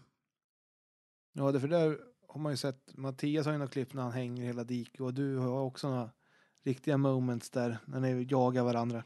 Ja, jag har ju ett, ett S-parti där som jag bommar en liten, en liten notmiss av mig och eh, tar högertröskeln först och slungar upp bilen och landar i trä med vänster bakskärm och så iväg som ingenting hade hänt. Det var, Då är man nöjd att det går så väl sig. Men ja, kommer i mål och det finns ingen vinge, ingen bakskärm och bakluckan hänger på trickfatt. Och, Då har man tagit i i alla fall. Då, ja, men det är ju, som, som rallyförare så visst det är mycket jobb. Men när en stötfångare hänger, det finns ingen fränare. Nej, det är rally, verkligen. Ja, det är det faktiskt. då har man åkt på gränsen. Alltså, då har man åkt här. Det går knappt att åka fortare än så här. Ja, exakt. Kanske Det- lite mer vägvinnande men farten var alldeles utmärkt. Ja, visst, visst. Nej, men Evon var ju häftig. Det- Vi åkte ju kolsvart då och man hänger lite i slyet och det tappar halva stötfångarplasten ramlar av liksom. Och det... Det Nej, är det... lite så det ska vara, säg. Ja, men det är häftigt, det tycker vi. Men eh, 2016, du, blir det någon mer total segrar där under året? Ja, Sverok-sprinten vann vi totalt och eh, blev det någon mer totalseger? Nej, det blev det nog inte. Det tror jag inte. Vi blev tvåa totalt ganska mycket där. Hur gick det i SM då, om man säger? Nej, men det gick ju inte något vidare. Det, det var väl samma där. Vi, vi bröt ju. Hässleholm framförallt var väl den tyngsta, tyngsta grejen. Det var ju helt och hållet mitt fel. Vi åkte ju SS1 och SS2 ner på garnisonen där. Och SS2, vi har åkt hela vägen ner till Hässleholm för att åka SM-tävling. SS2 så genar jag och slår i en uh, sugga. Så länkarmen böjer sig bak och hjulet, det blir punka och hjulet var, gick in i, i bilen lite grann men vi fortsatte ju åka. Men när väl däcket slungades av bilen då slet ju med halva elhärvan från motorn. Så vi fick ju bryta där nere på SS2. Det är inget kul. Bara fått åkt. Nej, vi, vi satte oss faktiskt i bussen och åkte hela vägen hem på fredagskvällen. Ja, det var så illa alltså. Det, nej, men det fanns inte, man sparade lite pengar på att inte bo på hotellet och lite sådär. Ja, och bit i sura och komma igen sig. Ja, precis. Framförallt en sån här tråkig grej med kabelärvan som bara hängde i, alltså det var ju hundra kablar i bara, Och då vet man att det finns lite tid i garage att lägga sen när man ja men det, det, är, lätt, ny elhärva. det är lättare att byta tak faktiskt. Ja. Alltså det, det är ändå material. Alltså, el är ju el är alltid el. Det kan alltid krångla. Ja, exakt. Men du tog i alla fall en tredje plats i Kolsva sen också. va? Ja, det gjorde vi. Det var ju, det var också en ganska hård fight med Ron Jakobsson också, något sjukt bra den tävlingen kommer jag ihåg. Det är hemmavägar vet du. Det Ja, exakt. Nej, men han åkte nog grymt bra där, det måste jag säga. Det, det var hårt var det. ja, det för då ingick den i typ Svenska rallycupen eller något. Ja, det var något sånt. Och det är ju den där klassiska vänstern där många har åkt av som vi kommer och hänger riktigt, riktigt gött i. Ja, på SS1 där. Ja, exakt. Ja, det var ju en riktig, ett riktigt moment. Säg. Ja, men vi hade lite problem. Vi kommer inte ihåg vem vi behöver inte ens nämna vem vi startade bakom och jag kommer inte ihåg det heller. Men, men vi kom ifatt den bilen ganska mycket så att vi hade problem med damm den tävlingen. Ja, det är aldrig kul. Alltså sådär på hösten också. Det ligger kvar så förbaskat länge också. Ja, det, jag minns SS1 där i målet. Det, det finns filmklipp på mig där med. Jag kommer bara helt tvärgalen nästan baklänges in i målsvängarna. Då, då var Marcus i, sitt- i sitt esse säger och Ja, exakt. Det var nästan så Henke. Henke han brukar, han är ju iskallheten själv. Han brukar inte säga till men det, det finns moment som han har fått hejda en också. Ja, det är så. Ja, faktiskt. Vad är det han säger då för att du ska hejda dig? Nej, men det är nog mer ett bestämt så här lite halvt pappigt. Nu får du lugna ner dig Marcus. Men det är sån uppfattning jag har av Henke. Att han, han kan så här. Nu räcker det. Nu är det bra Marcus. Ja, precis. Nej, han är, han är bäst tänker. Det, finns ingen stab, mer stabil kartis. Det, det är svårt att hitta. Nej, det är skönt att höra att jag tror att komp- ni kompenserar varandra rätt bra där. Ja, jo men det var... Jag vet ju som nu, han har fått ganska mycket förfrågningar på SM och så vidare när, han, när inte vi har åkt, när vi har vårt lilla uppehåll nu kan man säga. Då har han sagt att nej, det, det är Marcus och jag i SM. Det, och så känner lite jag också. Jag vet inte om jag skulle kunna ställa upp en SM-säsong utan honom. Det, det är liksom vi som ska åka SM. Men det, är- alltså, det är ju en skön trygghet att ha. Ja, verkligen. Och att han känner likadant. Ja, och sen det blir sådär lagom vår relation att man pratar någon gång då och då. Och sen på SM-tävlingar då har man bara Då ska jag sätta en kniv mot strupen här. Om, om du var tvungen att välja kartläsaren mellan Sofie och Henke, vem skulle du välja då? Nej, det är faktiskt Henke alla dagar i veckan. Ja, det är så. Sen eh, vi, det har ju funkat skitbra när jag och Sofia åkte ihop. Hon är ju fruktansvärt duktig och erfaren. Men det är ändå... Nej, det där kompisgrejen är ganska viktig faktiskt i bilen. Ja, och alltså det, det kanske är bättre att ha privatlivet för sig och, och rallylivet för sig så där i bilen också. Ja, precis. Vi har ju ofta sagt att vi ska åka så här. Ja, men vi åker Stockholmssprintar, du och jag Sofia, så eh, mellan tävlingarna liksom. Men det har ju varit lite annat emellan där kan man säga. Ja. Men eh, du, du byter ju bil rätt ofta, det var vi inne på redan i början av programmet. Så efter den här säsongen, vad hände då? då? Nej, men vi kom väl fram till att eh, den där Evon, den var ju... Mr Teorin kunde ju inte planera sin inbromsning, alltså den var ju lite tung. Så eh, vi åkte till eh, Gotland och kollade på en, eh, enligt mig, en av världens fränaste rallybilar. En Suzuki Ignis Super 1600 som Bosse Gustafsson hade. Ja, de är ju Eh. riktigt coola, det måste jag ju säga. Ja, Och- det, Och alltså utseendet i början, alltså utseendet, man, antingen så älskar man ju utseendet eller så hatar man utseendet på dem. Nej, det finns nog ingen fulare rallybil. Det är ju svårt att hitta. Men, men just det här med breddning och allt kolfiber och ljudet och... Nej, det, är- det är en sjukt häftig bil. Så vi gjorde, vi gjorde en bra affär där med, som jag brukar säga, världens gladaste Bosse. Han är, det är ingen ledsen gubbe. Han har hjälpt väldigt många rallyåkare ekonomiskt och så vidare. Och då skulle satsas på SM ett år till i alla fall. Ja, det var ju, det var ju i alla fall tanken. För jag, jag tänkte ju det att den här Ignisen skulle passa mig väldigt, väldigt bra. Ja, men det är en laddad bil alltså. Du, du måste åka på varv och, och vara lite tokig för att åka en Super 1600 bil för att det ska gå fort. Ja, precis. Sen trodde jag ju, jag trodde verkligen att det skulle vara enklare att åka fort i den bilen. Men det är väl egentligen den bilen som jag åkt långsammast i. Eh, men ändå haft mina häftigaste moments i kanske. Den, den var ju så sjukt bra på vägen bilen men den det var svårt att få till väghållningen på den, just acceleration och sen så var det svårt att det var svårt att hänga med på snabba sträckor. Och svenska vägar är ju ganska snabba. Ja men det, det är ju speciellt om vi kollar som vintern Östersund. Det är ju vrålsnabbt.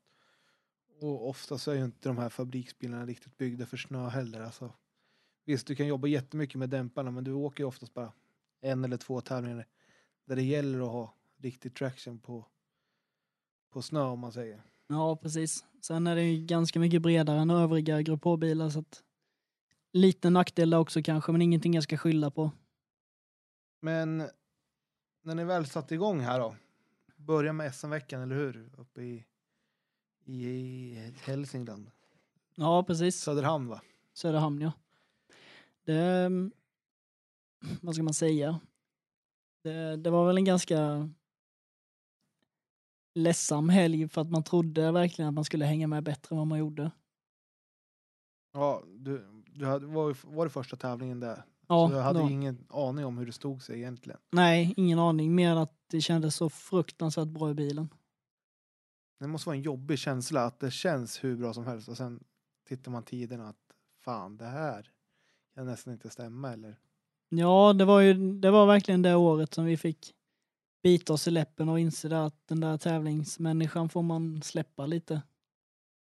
Eh, nu får vi köra som vi kan. Vi hängde med riktigt bra på många sträckor men inte alla sträckor. Det räcker ju inte. Nej, det gäller att vara, alltså, ha bra tempo över en hel tävling. Ja, om man ska precis. vara med uppe i toppen där i SM. Kollar vi på de, de sträckorna som vi var antingen snabbast på eller ja, tvåa, trea på. Tittar man på de inkarerna så då gör man ju inte en enda miss och det är verkligen 110 procents ladd. I princip skrotladd på varje sträcka då. Och det funkar ju inte riktigt i längden, det gör det ju inte. Nej, för det första så lär du ju slita en del på grejerna också och sen att ska du orka den koncentrationen och åka så i 10 mil, alltså Ja, Det är precis. påfrestande, påfrestande psykiskt också. Ja, och sen eh, men det får inte vara, det får inte vara en liten miss från varken mig eller Henke. Det, det är små grejer. Men om vi, vart kände du att ja, men den här tävlingen är jag faktiskt nöjd med med Suzuki? Det var nog egentligen eh, Slottsprinten släppte ju lite, där, där gick det faktiskt bra gjorde det men eh, det var väl inget höjda resultat i vilket fall. Sen eh, Sydsvenska rally blev vi väl tvåa i junior-SM. Hade ganska bra tider totalt sett också så då, det var ju, men Sydsvenska är ju ganska ganska förlåtande vägar ändå när det går i de trakterna. Det, håller man bara farten med sig så hänger man med. Ja, och det kanske passar en Super 600 bil lite när det, när det väl går sväng i sväng och att du Ja, får precis. åka rätt mycket på samma växlar om man säger. Ja, exakt. Men eh, sen, eh, vi gjorde en ganska stor ombyggnation på diffen inför rikspokalen. Och eh, det skulle ju, vi visste att det skulle göra mer påfrestningar på bilen, så därför hade jag inte vågat göra den inställningen tidigare. Men det visade ju sig att det var ju en inställning jag skulle gjort tidigare i vilket fall. Även att växellådan kanske hade exploderat, men eh, där, där hängde vi faktiskt med riktigt, riktigt bra och till och med så bra så att inför sista så sa vi det att nu kör vi för segern. Det var ingen tanke med något annat. Nej, det var, det var väldigt tajt där mellan dig och Pontus Jakobsson här för mig. Ja, det var det. Det, det var en riktig fight Och sista sträckan var ju, den var ju lång och det kändes ändå som att farten vi hade haft innan skulle verkligen räcka till om vi skulle kommit i mål den sträckan. Men Men eh, ja, var hamnade du? Nej, jag studsade ur spår. Det var egentligen inte någon överladdsgrej där i den svängen. Det var svängar innan som Adams lilla sväng där, den var ju ganska tajt i. Men, eh, men eh, vi studsade ur spår och eh, gled ner på lite tröskelhäng. Och där precis där var det en, en bergshäll. Så den satte vi ju rätt i tröskeln och bakhjulet och sen så slungades vi runt och landade på andra Ja, vi slungades 360 grader och landade på Henkes sida om man säger. Så bi Men- bilen blev ju väldigt dålig där. Men ni, alltså ni klarade ju från att rulla men ni gjorde en rejäl lufttur eller? Ja, jag tror, vi, jag tror vi stegade 17 meter eller någonting där vi slog i tills bilen stod still och då var det ändå bara en piruett. Ja det, det är en rejäl flygtur i alla fall. Så eh, alltså, jag har, har faktiskt sparat de stolsfästena från den tävlingen för att de är, de är helt vikta. Min stol låg inklämd i Henkes stol och Henkes stol låg inklämd i dörren mellan bågen och dörren. Aj då. Så det, det var, Henke brukar säga att eh, det var i princip första gången han såg mig att ge upp. För att efter, när vi slog ner marken då slog jag bara av tändningen. Jag provade inte starta bilen, ingenting. För att den landningen, det kändes att det här blev inget bra. Nej det kan jag tänka mig. Vi slog ju av bägge dämparna bak och bakvagnen var ju helt sönderslagen och ett hjul var borta och lite plast och skit. Lite halvjobbigt att lasta också. Säg. Ja, den var inte rolig att lasta. Nej vi var ju med där. Först fick vi lasta Adams lik efter hans rullning och sen kom vi fram till er och skulle hjälpa er att lasta. Ja, det minns jag inte ens. Så nej, det tog, tog sitt lilla tag att komma hem från Örebro den dagen. Ja, nej, det var, det var, var en tuff smäll var det med det. Men du, du hoppade in och åkte Evo hemma, eller hemmatävling är det väl inte men eh, uppe i Taxinge det året. Ja, vi bor ju i Taxinge så jag, har, jag brukar säga att jag har två hemmatävlingar, en i, i Småland och en i Taxinge. Men ja, vi, vi åkte en tävling i Göran Lindströms Evo 7 där. Eh, och vi skulle egentligen åkt Sucken där. Men eh, det var lite för många fyrhjulsdrivna som anmälde sig och vi hade ju totalseger två år i rad där med eh, i den tävlingen så att vi ville ju ha en tredje totalseger. Och det blev det. Ja, det blev det. Vem var det du körde då? Du skjutsade en sponsor då eller var det? Ja, jag skjuts- skjutsar faktiskt en, en eh, person som betyder väldigt mycket som har varit med och hjälpt mig både ekonomiskt och eh, ja, varit med i garaget lite och härjat. En pensionär som är, är vän till Sofias familj då. Alltså det är ju jättekul, alltså att kunna ge tillbaka något sånt och Ja, han har åkt rally i, i halva sitt liv också men aldrig åkt något. Alltså, det var länge sedan han åkte rally så han fick åka med dagens däck, dagens fjädring och så fyrhjulsdriven bil där hemmatävling med mig. Det blev väl en ganska häftig kombination. det kan jag tänka mig. Och, och avsluta det på så sätt att vinna totalt är ju extra skönt. Ja, det var kul var det. Yes, jaha. Och nu då? Ja, Du tyckte ju inte du hängde med i Suzuken så då, Nej. då var det dags att byta bil igen eller? Hur, Nej, det var det väl egentligen inte, men eh, vi sa det att eh, svart på vitt ska vi prova och göra någonting. För jag började fundera på om det var mig det var fel på. När man inte hänger med helt plötsligt så blir man ju liksom frustrerad. Men det förstår jag. Så eh, Jan-Jan var schysst och hyrde ut sin bil till SM-finalen. Men eh, innan det då skulle vi åka test med hans nya fjädring och lite sådär. Så jag åkte två eller tre vändor med Suzukin på den vägen. Absolut totalt hjärndött, liksom eh, full attack. Och eh, nej, det, jag tror det skilde två tiondelar från sämsta och bästa tiden så vi sa det att nu åker vi inte mer med Suzukin utan det, nu tar vi sanin istället som han hade. Och jag satt fel i bilen och bromsarna tog konstigt tyckte jag och fjädringen kände jättekonstigt för att det var ju, allt var ju nytt liksom. Men lik förbannat på de två kilometerna vi åkte så var vi ungefär två sekunder snabbare än Suzukins tid. Det, det måste ändå vara ett skönt kvitto för dig att se att ja, jag kan ju fortfarande ratta bil. Det är inte så att jag har blivit tvärkass över ett år här. Nej, precis. Det, det var ett väldigt bra test vi gjorde. Och jag har för mig att vi avslutade med att vara ungefär sex. Visst, man åker, man åker fortare för varje varv kanske, men vi var sex sekunder snabbare för mig på de två kilometerna till slut. Ja, det är ju riktigt bra. Är det, ju, och skulle säkert ha visat sig konkurrenskraftigt i Linköping.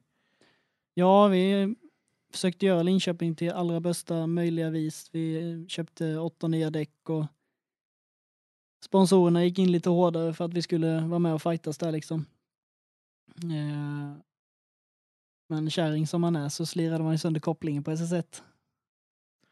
Det måste vara riktigt surt att förstöra en sån bra uppladdning med, med en bil som verkligen kunde visa vilken duktig chaufför du är.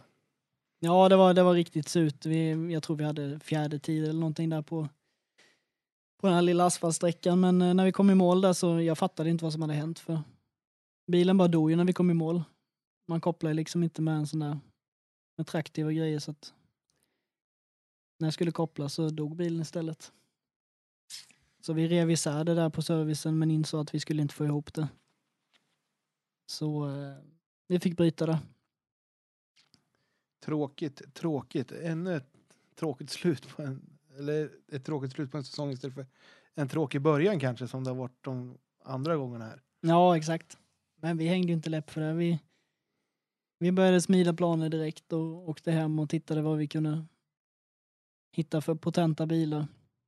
Det fanns inte så mycket till salu, inte, i alla fall inte den pengen som vi hade Mm. råd med. Nej. Så hur kom du över den bilen du fick nu då? Alltså du, du byter ju bil här i alla fall. Ja, det gjorde vi. Eh, vi eh, en vän, ja vi har varit vänner ganska länge, jag och Niklas Olene, så han hade haft lite svårt att få ordning på sin Golf då och eh, jag hade tröttnat lite på Suzukin och han tyckte det var häftigt med Suzukin och ville i princip, han tyckte det var häftigt att ha den i sitt garage. Eh, så vi, vi gjorde faktiskt ett byte där mellan Suzukin och Golfen och eh, vi åkte, vi åkte en tävling som avslutande där med golfen 2018 i, i nej 2017 förlåt. Eh, det var en liten tävling i Taxinges grusgrop. Så vi provade golfen där. Provade även huvudtrycket där innan, dagen innan. Ja, det var så. Så att, eh, nej, det var en tråkig början på den bilen också, men det, det var en kul tävling de gjorde i alla fall. Såna här grejer kommer lite senare. När vi ska gå igenom dina garagetimmar och så. ja, jag ska inte säga hur många gånger jag kört huvudtricket, men En gång per bil eller har det varit mer per bil? nej, det är mindre faktiskt. Men Ja. då blev det alltså en eh, Golf 3. Ja, en potent Golf 3 Grupp H. Som vi skulle... Nu, nu var liksom sista SM junioråret och eh, tanken var att gå 100% all in. Vi sökte mer sponsorer än vad vi brukar och Henke och allihopa, de var riktigt taggade.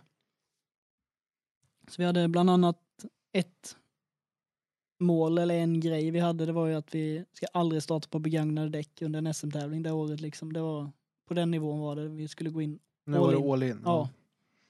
Men det måste ju ändå, alltså då, då blir, steppar man upp lite som person också. att Vi kanske vill ha en bil som vi kan vara med och slåss om ett JSM-guld i alla fall. Ja, precis. Och det, det var ju... Bilen i sig hängde ju med. Alltså det, det kändes ju helt plötsligt lätt att åka fort igen. Och eh, vi åkte ju, första tävlingen var i Vännäs. Och där hängde vi med bra, men spridarbryggan gick av så vi höll ju på att tända eld på bilen där mitt inne på en sträcka. Så bilen dog ju och jag fick stanna där och mecka en stund. Ja, och då tappar man ju mycket tid när man står still och tråkig, alltså det, den sträckan som du fick bryta eller stanna på, den är ju vrålsnabb. Alltså ja. från start till mål. Vi tappade ju tre minuter där tror jag. Det är många som tycker man är idiot, men jag byggde ihop en egen spridarbrygga där med buntband och grejer. Så eh, vi kom ju i mål på sträckan i alla fall och kunde fortsätta tävlingen och avslutade ju även tävlingen med att vara snabbast tvåhjulsdrivna på några sträckor. Så det, var- det var bra kvitto på den tävlingen. Och skönt när man ska åka till Östersund sen två veckor senare och, och veta att jag har ju farten nu när det är snö. Nu jäklar. Ja, precis. Hur, eh, hur gick Spridarbryggan av undrar jag lite. Nej men det var festerna på Spridarbryggan som gick av och sen bränsletrycket gjorde ju att eh, den lyfte då. Ja okej, ja då förstår jag. Jag har Så- typ varit med om samma sak. Ja. Nej det blev en väldigt stabil lösning på det till slut. Det, det fick väga vad det väga ville. Ja det är ju en satsning som man gör såklart. Ja, och elda upp en bil det har vi inte råd med. Nej precis. Men när ni väl kommer till Östersund så då sitter ju farten i fortfarande. Från Vännäs skulle jag säga. Alltså du visar ju direkt att du kommer vara med och slåss där uppe. Ja, det, det gjorde vi ju. Det, det, vi började där på fredagskvällen med, med ja, både jag, Pontus och Pontus. Eh, det var ju någon fruktansvärt laddade där. Vi skulle ju alla fighta som segern var ju tanken. Så eh, vi gjorde ju, jag tror vi alla tre gjorde tre hål i snödrivorna där på SS1 men eh, två av oss kom i mål. Lundström tror jag rullade. Ja. Det gjorde han. Ja, och vi avslutade väl som vi började. Så Pontus Jakobsson vann och jag blev tvåa. Jajamän, det stämmer nog. Ja, du blev tvåa ja. Mm. Så eh, SM-säsongen kändes ju ganska bra där till en början ändå. ja men du har skapligt poäng med dig från vintern. Det hade ju inte hänt tidigare. Nej, precis. Så det, vi kände oss på G som bara den. Och sen kom oturen utanför SM då. Fick du bryta Lima med motorbekymmer istället. Ja, drivknut och, och motorbekymmer och slutdäck var det. Och, ja, det var en tuff tävling i Lima där. Gjorde åt fyra däck på två sträckor. Och det är inte roligt. Inte Så på i- vintern. Så just det där med att mecka ihop bilen på servicen, det beslutade vi om att med de två resterande däcken vi hade kvar, det var liksom, nej. Ska vi lägga bilen på taket på grund av att vi är dumma och fortsätter? Ja, när man inte har något med det att göra heller om man säger. Nej, och sen det dummaste med allt var egentligen ljuddämparen. Det var en sån här handbyggd ljuddämpare så eh, sprack i svetsen. Och sprack ju svetsen upp mot karossen. Så när vi kom i mål på sträcka två tror jag det var. Vi Ja. hörde ju bilen lät mycket. Då var det varmt eller? Ja, det brann inne i färgen inne i bilen, under tanken. Det är inte jätte... Vid tanken också. Ja, så eh, nej. Du, du gjorde allt för att försöka elda upp golfen där i början alltså. Ja, det gjorde vi. Det gjorde vi. Men som tur var så lyckades du inte. Nej, det Nej. gjorde jag inte. Inte ens när han låg Så på het behöver du inte vara. Nej. Nej. Så. Men sen så gjorde du ju en bedrift nere i, i Silverkongen som var rätt imponerande skulle jag vilja säga. Ja, det var... Det är väl egentligen, vad ska man säga? Den, den segern står nog ganska i närheten med Kolsva och Skilling 500. Att eh, TK in på SS1 så kokade bilen. Då hade fläkten slutat fungera. Meckade som bara jag stod och meckade framför TK-personalen. Hoppade in några sekunder innan vi skulle och knäppte fast liksom. eh, Gjorde väl en liten, eller ja, det var inte mellan TK, det var ju, vad säger man? innan TK in.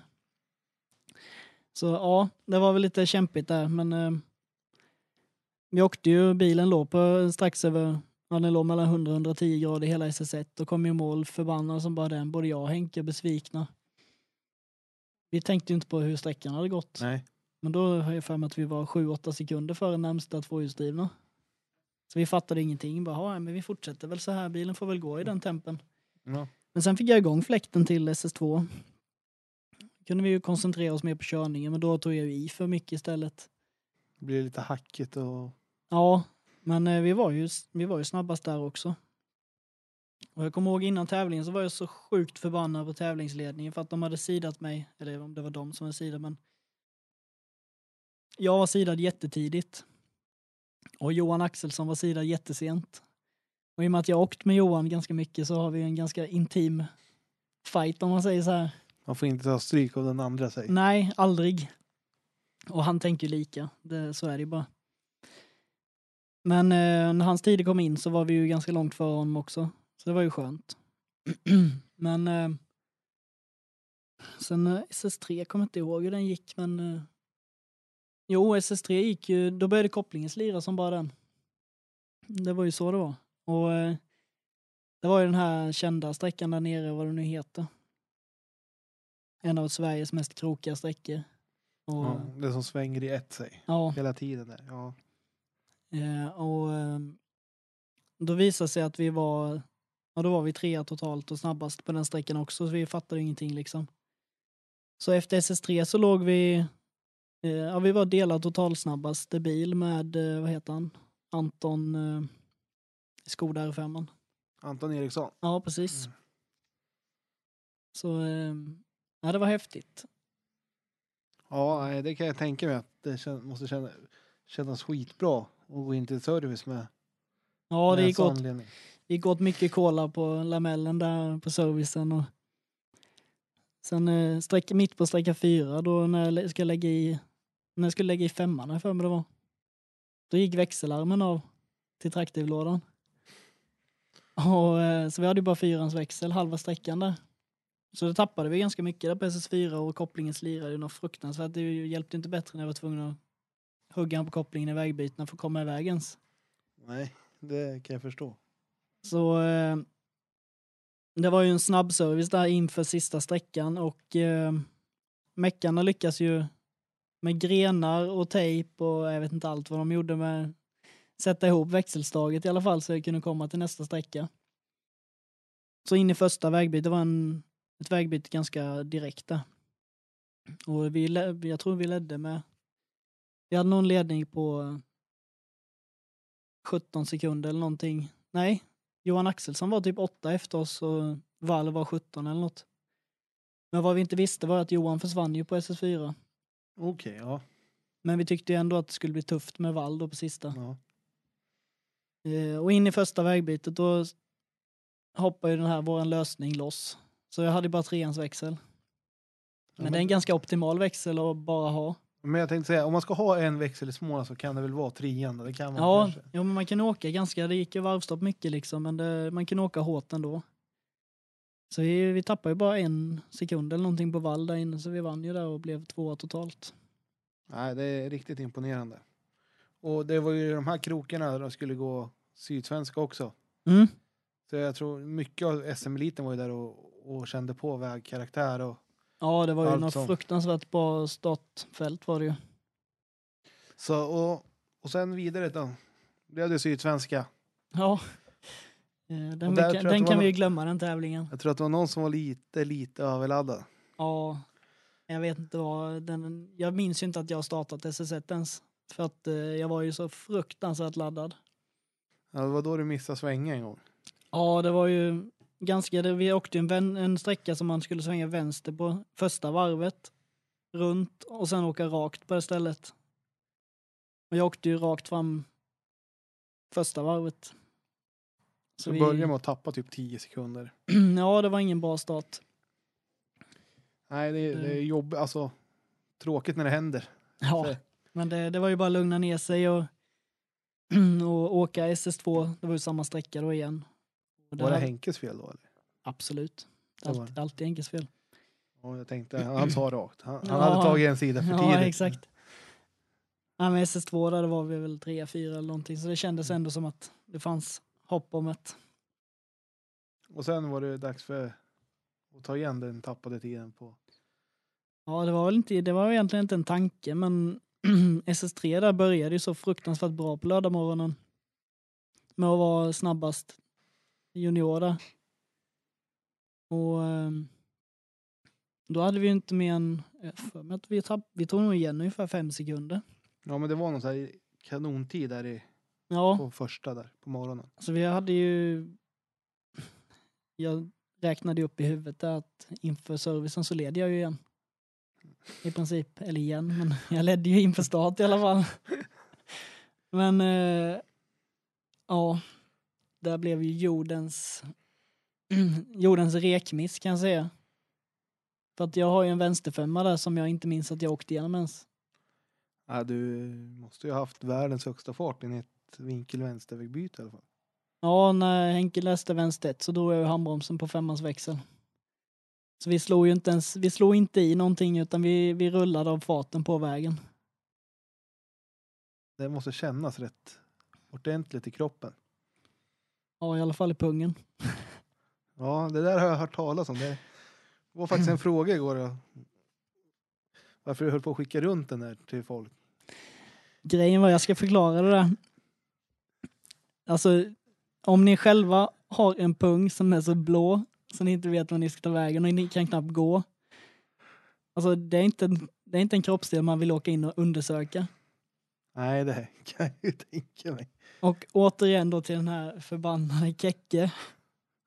så är hans sambo då någon slags läkare. Så det, det var min närmsta vän jag kunde komma på som li, liksom, Kanske kunna hålla det lite här diskret. ja, och hjälpa mig. Så jag, jag tog, gick in på toan och tog en bild. Och skickade till eh, Kekke då och frågade om Malin kunde kolla på det här.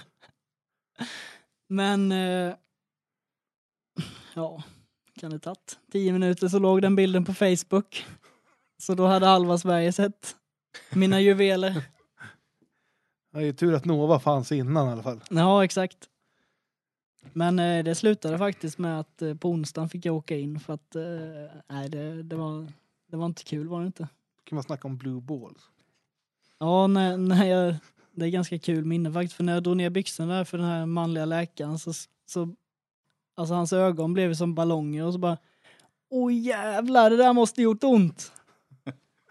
Så, Han, han förstod vad du menade. ja, han kanske inte fattade allvaret innan. Och sen när någon ska hålla på och klämma och känna också. Så Ja, nej det var ingen trevlig. Vad hade han för lösning på problemet då? Och hem och vila. Ja. det finns ju inte så mycket att göra. Nej. Det var inte den där vanliga blue balls. Nej. Och, Ja. ja, då hade du en bil att laga också under tiden här nu. Jag kan tänka Ja. mig, det var ju lite svårt att gå och, och så också. ja, men återigen då till fantastiska meckar och pappa och farbror. För vi, på vägen hem upp till Taxinge så släppte vi bara av bilen i Småland. Så när jag kom hem till Småland helgen efter så var bilen rensad och jag kunde börja dra den i riktbänk och eh, byta tak och grejer.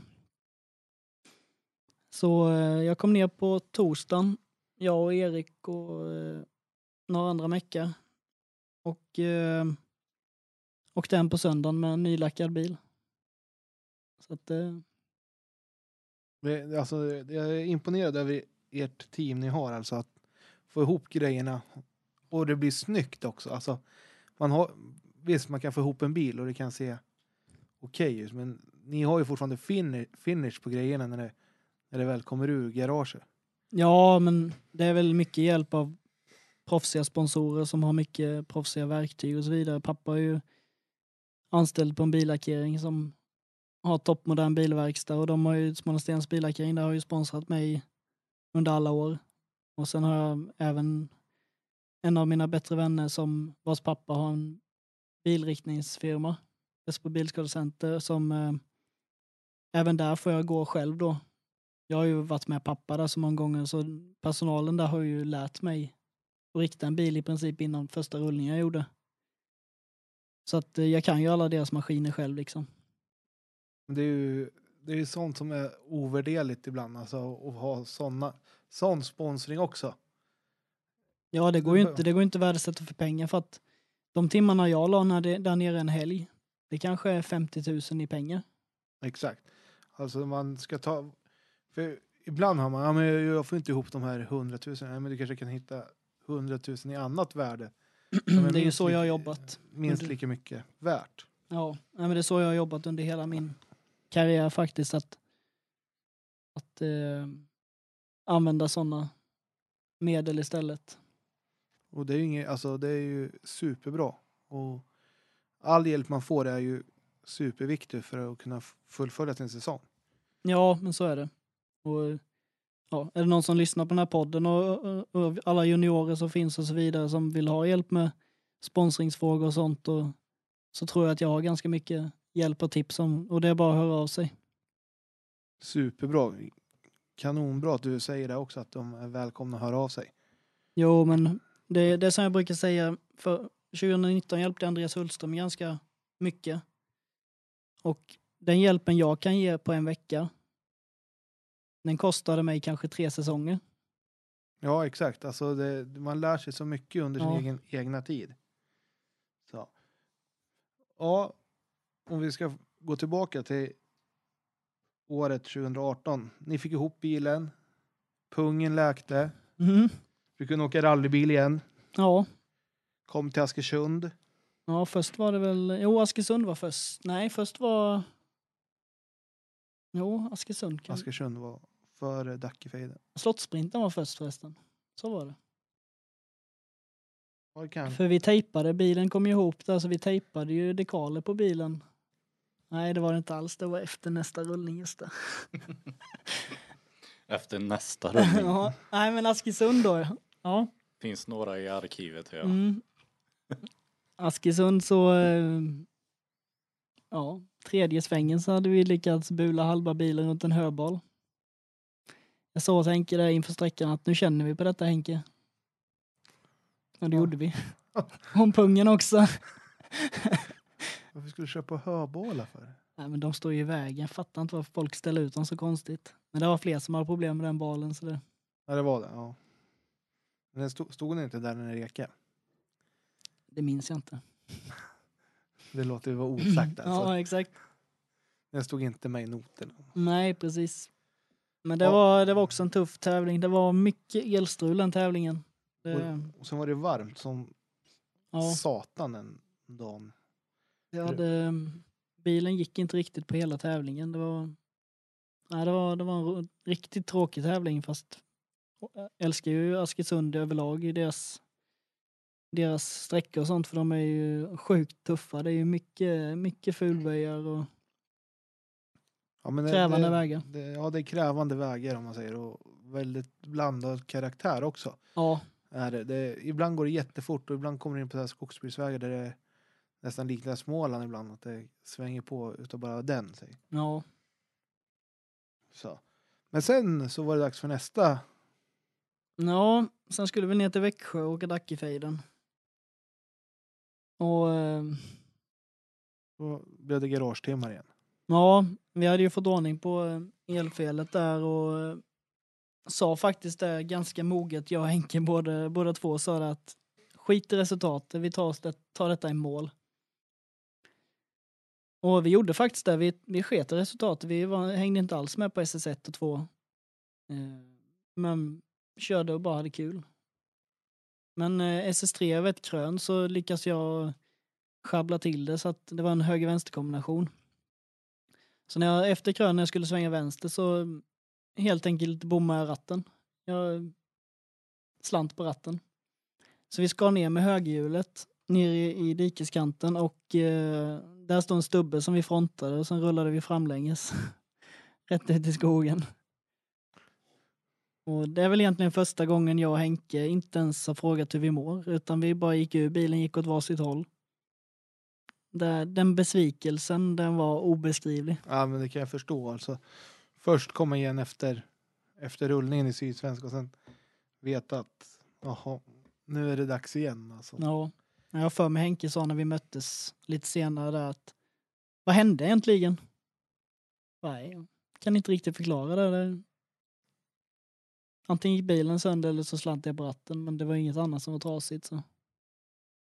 Nej, ibland händer det alltså. Det, var, ja, men det var liksom... Även du kan göra misstag Marcus. Ja visst. Brukar eh, dina mekaniker säga så här, nu, vi gillar att meka och plocka ihop en kraschad bil jämt så du, du vill Nej. att de ska ha en dålig bil. Men däremot så har jag hört i efterhand att eh, jag har ju haft med mig Daniel Ernstedt ganska mycket som hjälp i, i teamet och, och han har varit med på väldigt många tävlingar med mig. Och eh, när telefonen, när jag ringde Erik så han väl i princip eh, signalerna gå när Mulle sa det att eh, han har rullat va? och ja, jag hade, jag hade rullat. Så de var inte förvånade. Ja, men sen var det dags för slottsprinten. För det var du ju tvungen att åka, eller hur? Ja, men det är ju, det är ju jag ska inte säga att det är Alltså hemmatävlingarna är en sak men eh, slottsprinten det är ju eh, årets race totalt. Det, det är ju klart fränaste tävling på hela året. Och där, där hann vi ju Pappa kom upp och jag hade fixat dekalerna så att pappa började ju strajpa bilen på fredagskvällen där innan vi körde ju det här Barncancerfondens eh, jippot där på Ja. fredagskvällen. Eh, så vi hade ju hälften av sponsorerna han att komma på till, eh, Till kvällen. ja. Och där skulle jag faktiskt tacka och ge igen lite till min farbror Thomas då. Så han skulle åka med mig där. Och jag hade ju inte hunnit köra bilen på, på grusväg innan. Nej. Jag har bara kört lite utanför verkstaden. Så eh, ta vä- vägbyte vänster där direkt i starten. Och sen är det ju bara en lång raka. Man hinner få i femman. Och sen skulle man höger mellan två höbalar ut på åken. Och när jag trycker på bromsen där så fanns det inga bromsar. Spännande. Då, an- alltså vi har ju luftat bromsarna och haft bromsar hela tiden men antagligen så har vi miss, alltså då var det någon bubbla kvar liksom. Så eh, min farbror han var ju kolugn. Han tänkte ju att eh, Junior där han, eh, han tar ju bilen rakt fram. Men jag ryckte upp i kryckan och tog högen ut på mellan balarna där och i efterhand alltså dra handbromsen på en åker, det är ju som gjort för att rulla. Ja, det är det ju. Men jag har för mig att vi var snabbast tvåhjulsdrivna på SS1 där på nej, barncancerfondsgrejen där. Så det gick ju bra. Sen luftade vi bromsarna och hade kul igen. Vad sa han till dig då, när du drog i kryckan? Nej, det kan jag inte, det kan jag inte säga. Hej. Jo, vi ska vara ärliga i den här. Ja, nej men där, han är ganska duktig på, på att säga vad han tycker och tänker och, och ja, Du fick höra ett och annat. största, större idiot hade han nog inte träffat i alla fall. Nej, så kan det ju vara ibland. Och jag ska väl säga det att bägge skärm, framskärmarna var ju buliga efter fredagskvällen också för att balarna står ju för nära. Ja, du har ju en förkärlek till dem så. Ja, Alltså, du behöver ju inte stoppa in nosen överallt. nej men det tar ju... Man kanske tjänar en tiondel någonstans. Någon Ja, gång. eller så tappar du. Ja men det har jag nog knappt gjort förutom i Askesund där det var ju lite onödigt. Ja, men du, det gick ju ändå rätt skapligt på Slottssprinten sen. Ja det gjorde det. Eh, återigen till det där att åka moget och bara åka igenom där. Då gjorde vi om det från Dackefejden så vi gjorde bara vi gjorde det till våran tävling. Och vi låg ju där och fightades med Sundell hela, om tredjeplatsen hela dagen. Och inför sista sträckan så kommer Sundell fram och pratar med mig och och så frågar han mig, jag minns det så väl, för han frågar mig om, eh, om eh, hur eh, jag skulle lägga upp planen för sista sträckan. Nej, men jag ska bara fortsätta i mitt tempo. Det, det är liksom ganska lugnt. Ja.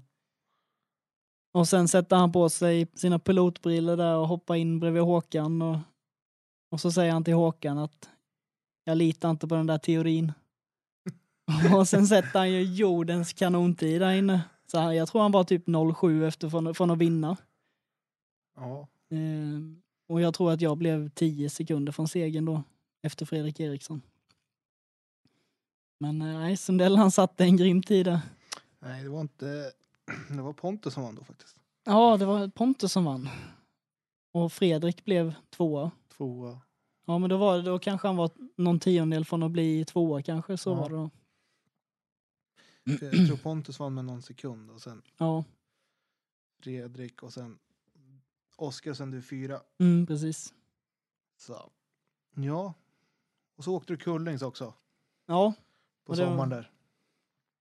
det var också en sån bara för att hitta Känslan. känsla och fel på bilen liksom. Men där bommade jag ju det där. Ja, det vägbytet som alla bommade. Eh, Hånål högervägbytet som var på en sträcka. Ja, just det. Ja. Det kom ju, det, var, det stod ju grön omgående Hånål höger. Det var ingen som svängde. Nej. Det. Men det, det gick bra där också, måste jag säga. Jag för mig att vi var inte så allt för långt från segern heller. Nej. Jag kommer inte ihåg vad vi blev. Jag tror vi blev sju eller någonting. Ja, något sånt blev det. Men eh, det var en ganska kort och in- intensiv tävling. Ja, de, kort... Med många duktiga förare så. ja, de kortade ju ner den fruktansvärt mycket tack vare torkan och allting där va. Ja. Så. Och sen var det åter till SM där.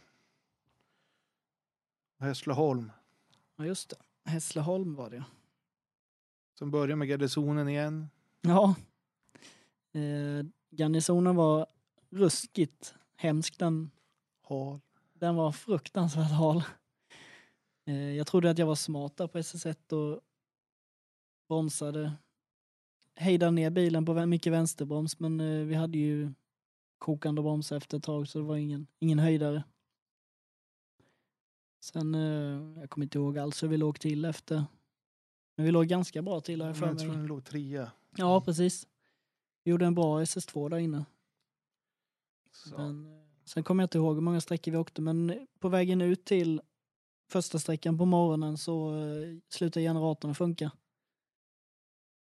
Och eh, i mitt eh, sprut så har vi inte någon så här spridarkompensering på hur mycket batteri det är i bilen. Så den går ju på, Fulla spel. ja, tills sprida, eller tills batteriet inte orkar mer.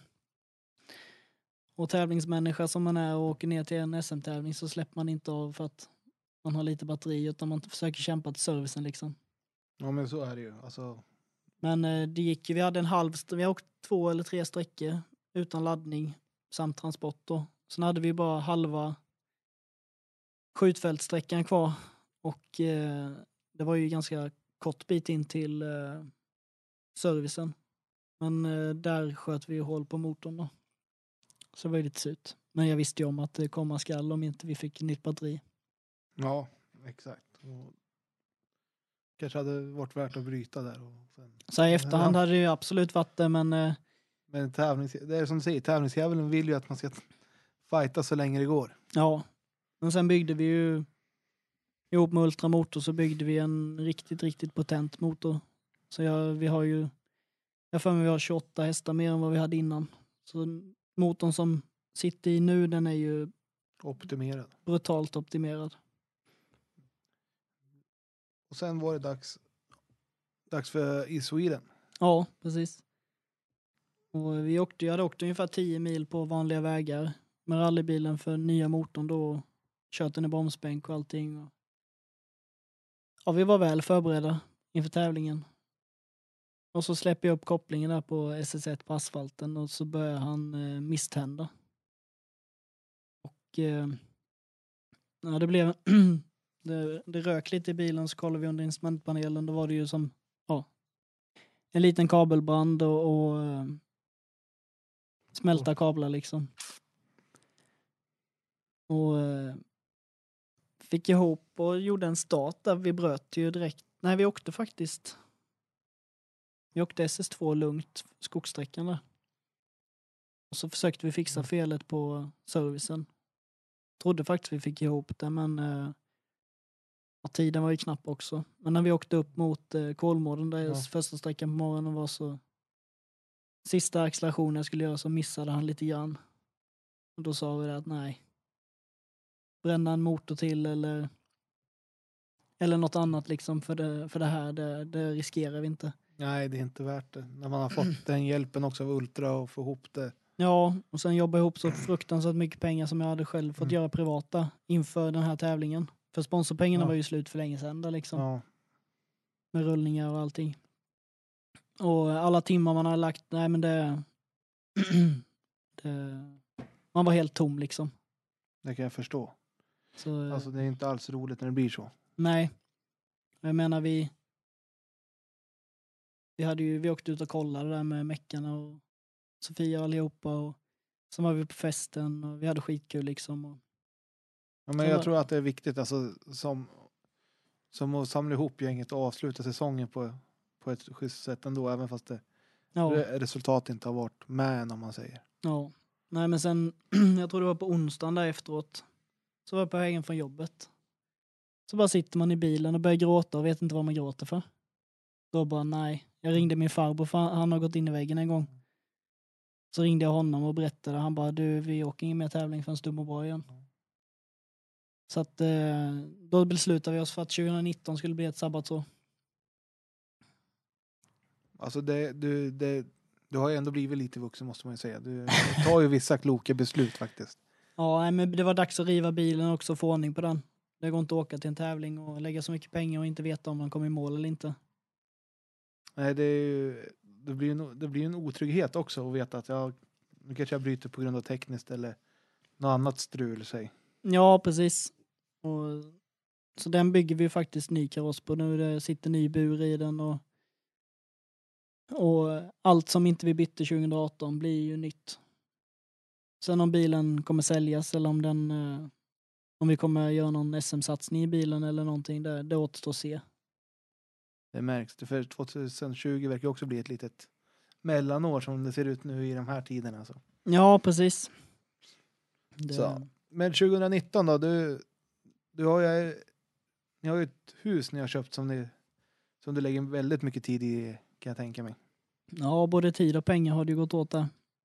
Så eh, ja, vi har ju hållit på stenhårt med det nu då.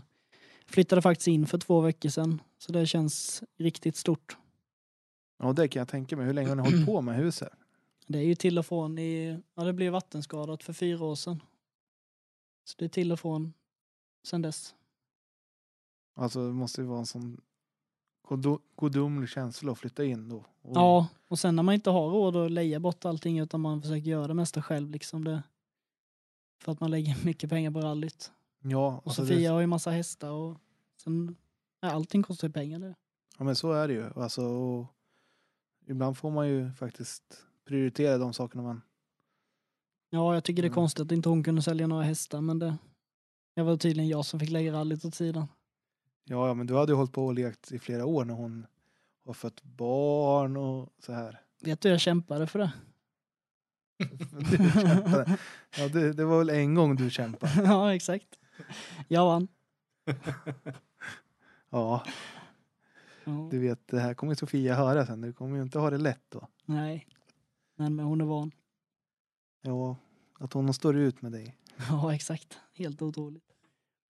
Så. Ja, men 2019 då? Du fick ju några in, infall där. Ja, det var ju pappas fel det också. Pappas fel att jag började köra rally och pappas fel att eh, 2019 blev som det blev. Men eh, han fick ju lite abstinens då och började leta efter en Corsa igen. Så jag ringde ju på en Corsa och härjade där och prutade på den och försökte få... Sen helt plötsligt så dök ju en av mina, eh, vad ska man säga? Man kan inte säga drömbilar men men när, när Krille gjorde i ordning den här golfettan så eh, var den med i Bilsport Rally Racing. Jag kommer än idag ihåg hur fränt det reportaget, jag, alltså hur jag tyckte det var. Så hans bil kom ut på annons då. Så jag ringde honom och så gjorde vi affär på den.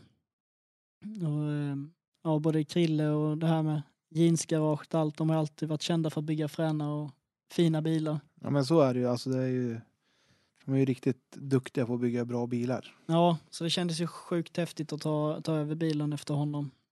Och eh, vi köpte väl egentligen den för att kunna åka hemmatävlingen i Taxinge och så hemmatävlingen i Skilling 500.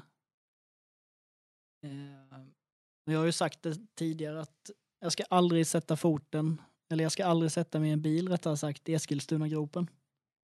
Nej. Och, Men eh, torsdagen där innan Taxinge så var ju torsdagsrallyt och jag hade ju inte fått testa rallybilen på riktigt så tänkte vi men det är ju det är nära så vi åker dit och kör. eh, vi åkte två vändor där inne och det gick ju skitbra, det var jättekul. Och inget illa menat mot gropen men, men eh, jag skulle ju aldrig satt foten där. vad hände då? då? Spindeln höger fram gick av. Och likadant där, då trodde jag också att jag hade typ punka. Så jag hade ju bara full acceleration. Eh, och när jag kliver på bromsen i en höger, då bara vrider bilen fullt åt höger så vi frontar en betong, eller be- betongfundament. Nej. Det Så, var ju eh, typ dagarna innan hemmatävlingen. Ja, detta var ju på torsdagen och hemmatävlingen var på lördagen. Så skulle du ha ihop bilen till hemmatävlingen. Jajamän, det var ingen tanke på något annat. Men den var ju fruktansvärt stukad. Rambenen stod åt olika håll och ja, det fanns inte mycket i fronten som var helt. Och spindlarna är ju special och nej, det var Johan Wesslén, eller jag skickade kollegan med en spindel till eh, Johan Wesslén så han fick fräsa den. Meckarna skickade jag upp till Krille, eller eh, eh, till, upp till Krille Gustafsson där. Eh, två av meckarna. Eh, så de fick hämta reservdelar. Och eh, jag och en meck åkte hem till grannen, spände fast rallybilen i ett träd och sen drog vi den till rätta med hans eh, traktorgrävare. Nu, du, nu börjar du likna folk Chris. det. Ja, men vi hann inte åka till riktbänken i Småland. och eh, sen fick Erik hålla på också genom en sponsor, Anders Söderberg. Eh, han fick ledigt hos honom och eh, fick hålla på hela dagen och pappa var också uppe. Så de höll på i Anders verkstad där hela fredagen så kom jag på fredagskvällen i princip och startade bilen, sen var den färdig. Vilket gäng alltså. Ja, det är- nej, det, det är respekt till de grabbarna, så är det bara. Och sen, ut, och hur gick det sen då? Nej, sen behöver vi inte prata mer. Nej, men det gick. Eh, sen var det ju dags för första riktiga grustävlingen och det var ju hemmatävling då i Taxinge. Och så började vi med min hemmasträcka då där jag bor. Och, eh, ja, det, var, det var många nervösa inför den, det ögonblicket. Och så hade vi, skulle vi börja då, det var ju där, ett ganska känt hopp där på den sträckan. Så starten var innan det hoppet. Och pappa ringde typ tre bilar innan jag skulle starta. så- Så jag svarade, om han ringer då svarar jag liksom när det är tävling Ja. för då kan det vara något. Du, du, du ska nog inte hålla i över lyftet. Nej, vadå? Nej, men de flyger ju här. Ja, men då ska jag väl inte säga det högt. Men jag och Erik på vägen hem en dag, några veckor innan det, på natten, provade med min och Sofias V70 över det hoppet. Och jag visste vilken linje jag skulle hålla för vi flög rätt bra med V70. och 20 tums och grejer. Eh, så det var ju inte en tanke för mig, även om vad pappa nu sa så skulle jag hålla fullt över det lyftet och det gjorde jag ju. Och det gick ju bra. Eh, så vi, vi var ju snabbast tvåhjulsdrivna på SS1 och 07 efter snabbast fyrhjulsdrivna. Så bilen den visade sig ha potential liksom, det, det var ingen snack om saken. Nej. Och så startade SS2 då, en sträcka som jag själv aldrig åkt, så det var lite spännande. När det är hemmarace liksom och lite press på sig. Ja, jag tänker. Men eh, vi klarade två svängar i alla fall. Sen, eh, faktiskt inte mitt fel utan eh, pinnbultarna till vänster framhjul gick av. Så vi frontade ett par stubbar där ute på ett hygge. Nej. Ännu mer i fronten alltså. Och då var det var ungefär samma grej som Dackefejden, bara nej, då skiter vi i det här. den får stå här. Nu åker vi Ja. hem och tar en öl. Ungefär så. Så eh, bilen stod faktiskt i garaget i, nej den stod på släpet till och med. Ja, jag tror det var en och en halv månad i alla fall. Innan jag tog tag i den. Sen åkte vi avslutande Skilling 500 där. Ja, bara för att vi skulle kunna ha sponsorjippot. Ja, Och eh, nej, jag åkte och varvade och sladdade som bara den. hade roligt helt enkelt. Ja. Och eh, det måste jag nog säga att Skilling 500 där, det var ju roligaste tävlingen jag åkt på säkert två, tre år bara för att det bara var utan press och ingenting. Ja, men ofta så är det ju så. Alltså, ibland behöver man sådana race också. Att bara kunna släppa allt vad press heter. Ja, exakt. Så. Nej, så det var kul. Så nu står golfettan står redo för race. Golftrean håller vi på att bygga om. Eller bygga upp. Ja, och då kommer vi börja runda av här då, men du har du några planer för 2020? Ja, vi hade ju vi hade ju planer i och med att hemmatävlingen i Skillingaryd skulle haft SM. Så skulle vi åkt den SM-tävlingen då. Antingen gjort något storslaget av det och hyrt någon värre bil. Eller åkt och gjort vad vi kunnat i golfettan. Men eh, i och med det här med corona och detta nu så eh, ställde ju Skilling 500 in och resten av alla rallytävlingar verkar ställa in också. Man försöker vara lite rädd om sin egen budget och så vidare med så. Ja, det är ju väldigt ovissa tider nu om hur det blir Ja, det, framöver. Så. det är bättre att tänka på jobb och eh, familjen och tänka på rally nu när det är de här tiderna. Ja, så är det ju faktiskt. Alltså, man måste vara smart och inte förhasta sig i något man gör just nu, känns det som. Ja, nej, nej, jag blir lite, lite smått irriterad på de som säger att det är tråkigt att tävlingarna ställs in och så vidare, men det, det är faktiskt viktigare än att, Ja, det är bara att rida ut stormen. ja, faktiskt. Det kommer ju ett liv ut efter det här också. Ja, det gör det. Så, nej men då lämnar jag över till Daniel så har ju han sina. Mm, jag har ju Frågor? mina stående frågor här. Och jag ty- du har ju haft en liten kartläsarkarriär så har du någon kartläsarmiss? Eller varit med om kanske till och med? Inga kommentarer. Ja, det är ju så fruktansvärt länge sedan nu så att... Eh... Ja. Jag missade faktiskt, jag åkte med Andreas Hultström och missade ett vägbyte på en onotad tävling här för ett år sedan eller två. Det är ganska tappert. ja, det är inte dåligt. Men vi åkte fränt in.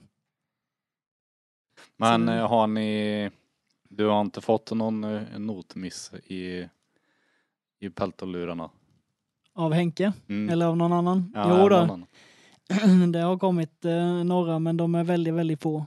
Ja. Eh, vi har väl två moment som vi verkligen brukar prata om och komma ihåg i alla fall. Och det är väl en avåkning i Bokan och en, ett tröskelhäng i C2. Annars under de här tävlingarna så jag har ju åkt bra bit över hundra tävlingar och har bara två minnen av det så det är ju det är bra. Det är bra gjort. Eh, värsta skogsminne? Skogsminne på eh, Alltså något illa som har hänt i skogen under tävling då? ja, det är väl egentligen krasch. krasch ja precis, nej det är nog kraschen med C2 faktiskt. Ja, på test.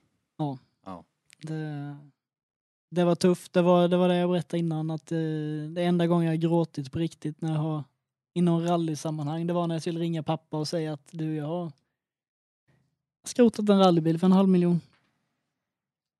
Nej, fy fan. Hemskt. Då visste man ju inte vad som, Nej. om man ens skulle få ihop det på hela säsongen liksom. Nej, precis.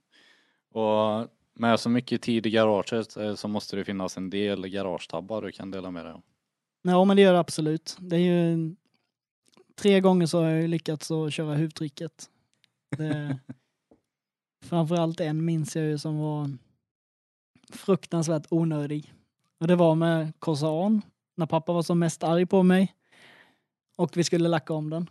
Då har jag skruvat bort fästena, eller jag har skruvat bort eh, låsen till huven i Taxinge. Vi åker ner till Smålandstenar och ska lacka bilen. Och så kommer några gamla kompisar från Smålandstenar där som ville kolla på bilen och så sa jag Fan ni måste lyssna på insugsljudet i denna bilen. Så jag åker iväg lite sakta och sen så börjar jag axa i, längre bort från billackeringen. Men jag, har ju- jag har ju inga huvudlås på bilen. Aj, aj. Vad Då sa han ingenting pappa. Då var han helt tyst bara när vi skruvade bort huven och sen stod han och hoppade på huven en stund och sen lyckades vi rädda och lacka. Men vi fick, ja det, det slet ju upp hela torpedplåten och allting. Det blev lite mer jobb än lack den helgen.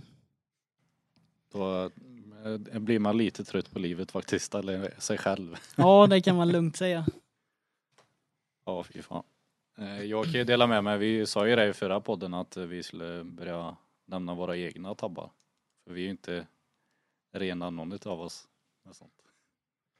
Eh, jag hade precis lackat min eh, 940 som jag har än idag. Den var helt nylackad. Vi hade precis fått in den i garaget och innan detta hade jag köpt fälgar till den. Och jag hade ju inte provat in höjd och sådär på bilen. Och jag pallade upp den och satte på ena fälgen men jag fick inte ur fälgen sen. Jag fick dit den jävligt tight. Men när jag slår ut den så rycker jag och rycker och rycker och sen kommer fälgen i pannan. Jag har ju ett ärr i pannan. Ja, den är ju snygg. Mina kompisar som var med i garaget då, de, de dog av skratt. det såg nog väldigt dumt ut. Tur inte det finns på film. Bästa tävlingsminne då? Absolut eh, Kolsvars SM-tävling. När vi åkte första SM-tävlingen och vann första SM-tävlingen. Det- Obeskrivligt minne. Ja, Från att inte veta vad man ger sig in på till att gå ut som... Ja, man trodde man var världsmästare. ja det kan jag tänka mig. Den känslan alltså. Eh, vad har du med dig ut i bilen? Eh, Speciellt du måste ha med dig. Ja. Det är eh, framförallt ut på lördagmorgonen när det är SM. Då måste jag ha med en Red Bull och en sportlunch. Det, det är verkligen Annars måste. finns inte den bra känslan i målen. Nej, nej absolut. eh, kan jag tänka mig. Eh, Vi skrev ut på Facebook och Instagram att man kunde ställa frågor. Vi ska nog ha det som lite grej nu att man kan ställa frågor man vill ha reda på. Varje chaufför. Har vi fått några? Vi har ju fått svar på två tror jag va? Ja, och sen, sen var det S- Daniel Suvala ville tacka dig för all hjälp du har hjälpt honom med under säsongen. Så det var väl ingen fråga direkt, men han ville verkligen att vi skulle lyfta det. Ja, nej, men det kommer... Jag kan ju säga att det kommer bli mer jag behöver hjälpa honom med när han har börjat på med den här bilen och få upp farten. Jag räknar med ett bakskärmsbyte i alla fall per säsong. Ett. Och Det- ka- kanske ett takbyte.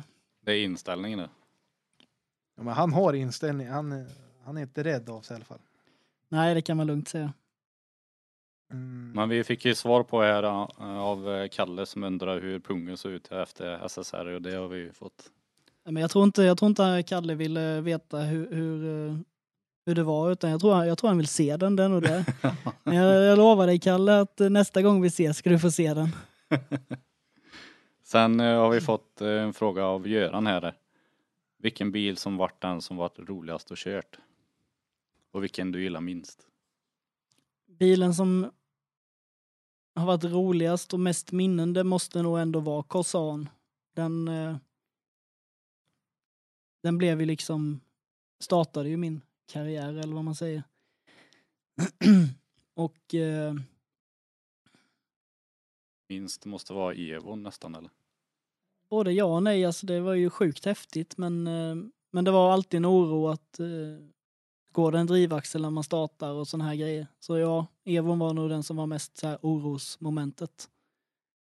Men jag Ja. brukar säga att eh, jag kan tävla i alla bilar och tycker nog det är lika kul för just själva tävlingsmomentet. Ja, det kan jag förstå. Ja, vi har fått en till här nu. Och det är hur många rullningar har du gjort? Eh, ja, det är ju bara, bara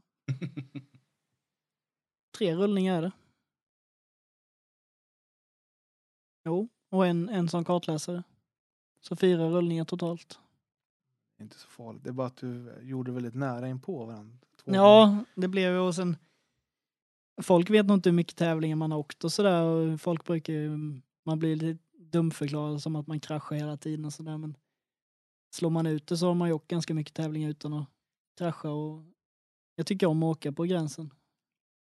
Ja, men det är ju därför det är så omtyckt också. Alltså, det, det man saknar ju dig i skogen när du inte är där om man säger så.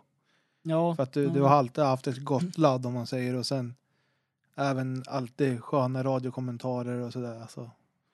Så du är ju saknad, ska du veta. Säger många. Ja, jo, men vi, vi kommer tillbaka, det lovar vi ju. Det, hade det varit så att det var rally nu 2020 så hade vi åkt. Tanken var ju Simrishamn första nu liksom, med golfettan. Ja, vi får väl se när det hoppar igång här. Jag, jag tror att det inte blir förrän efter semestrar och sånt. Att det kanske kommer igång lite tävlingar då och då. Och vi får väl hoppas att samhället har klarat av den krisen fram till dess. Ja, nej, men jag, jag tycker som jag sa till er innan att folk ska vara rädda om sin ekonomi nu och ta hand om varandra före att tänka på rally. Ja, det håller vi med om. Eh, jag vill eh, lägga en liten input på att du, man måste ju ge en eloge till ditt team. Tänk om fler chaufförer hade haft ett sånt team med sig. Jag tror vi hade haft många fler startande och mer tävlande också. Det är nog mycket sånt som gör att många lägger ner. Jo, men det, det tror jag absolut.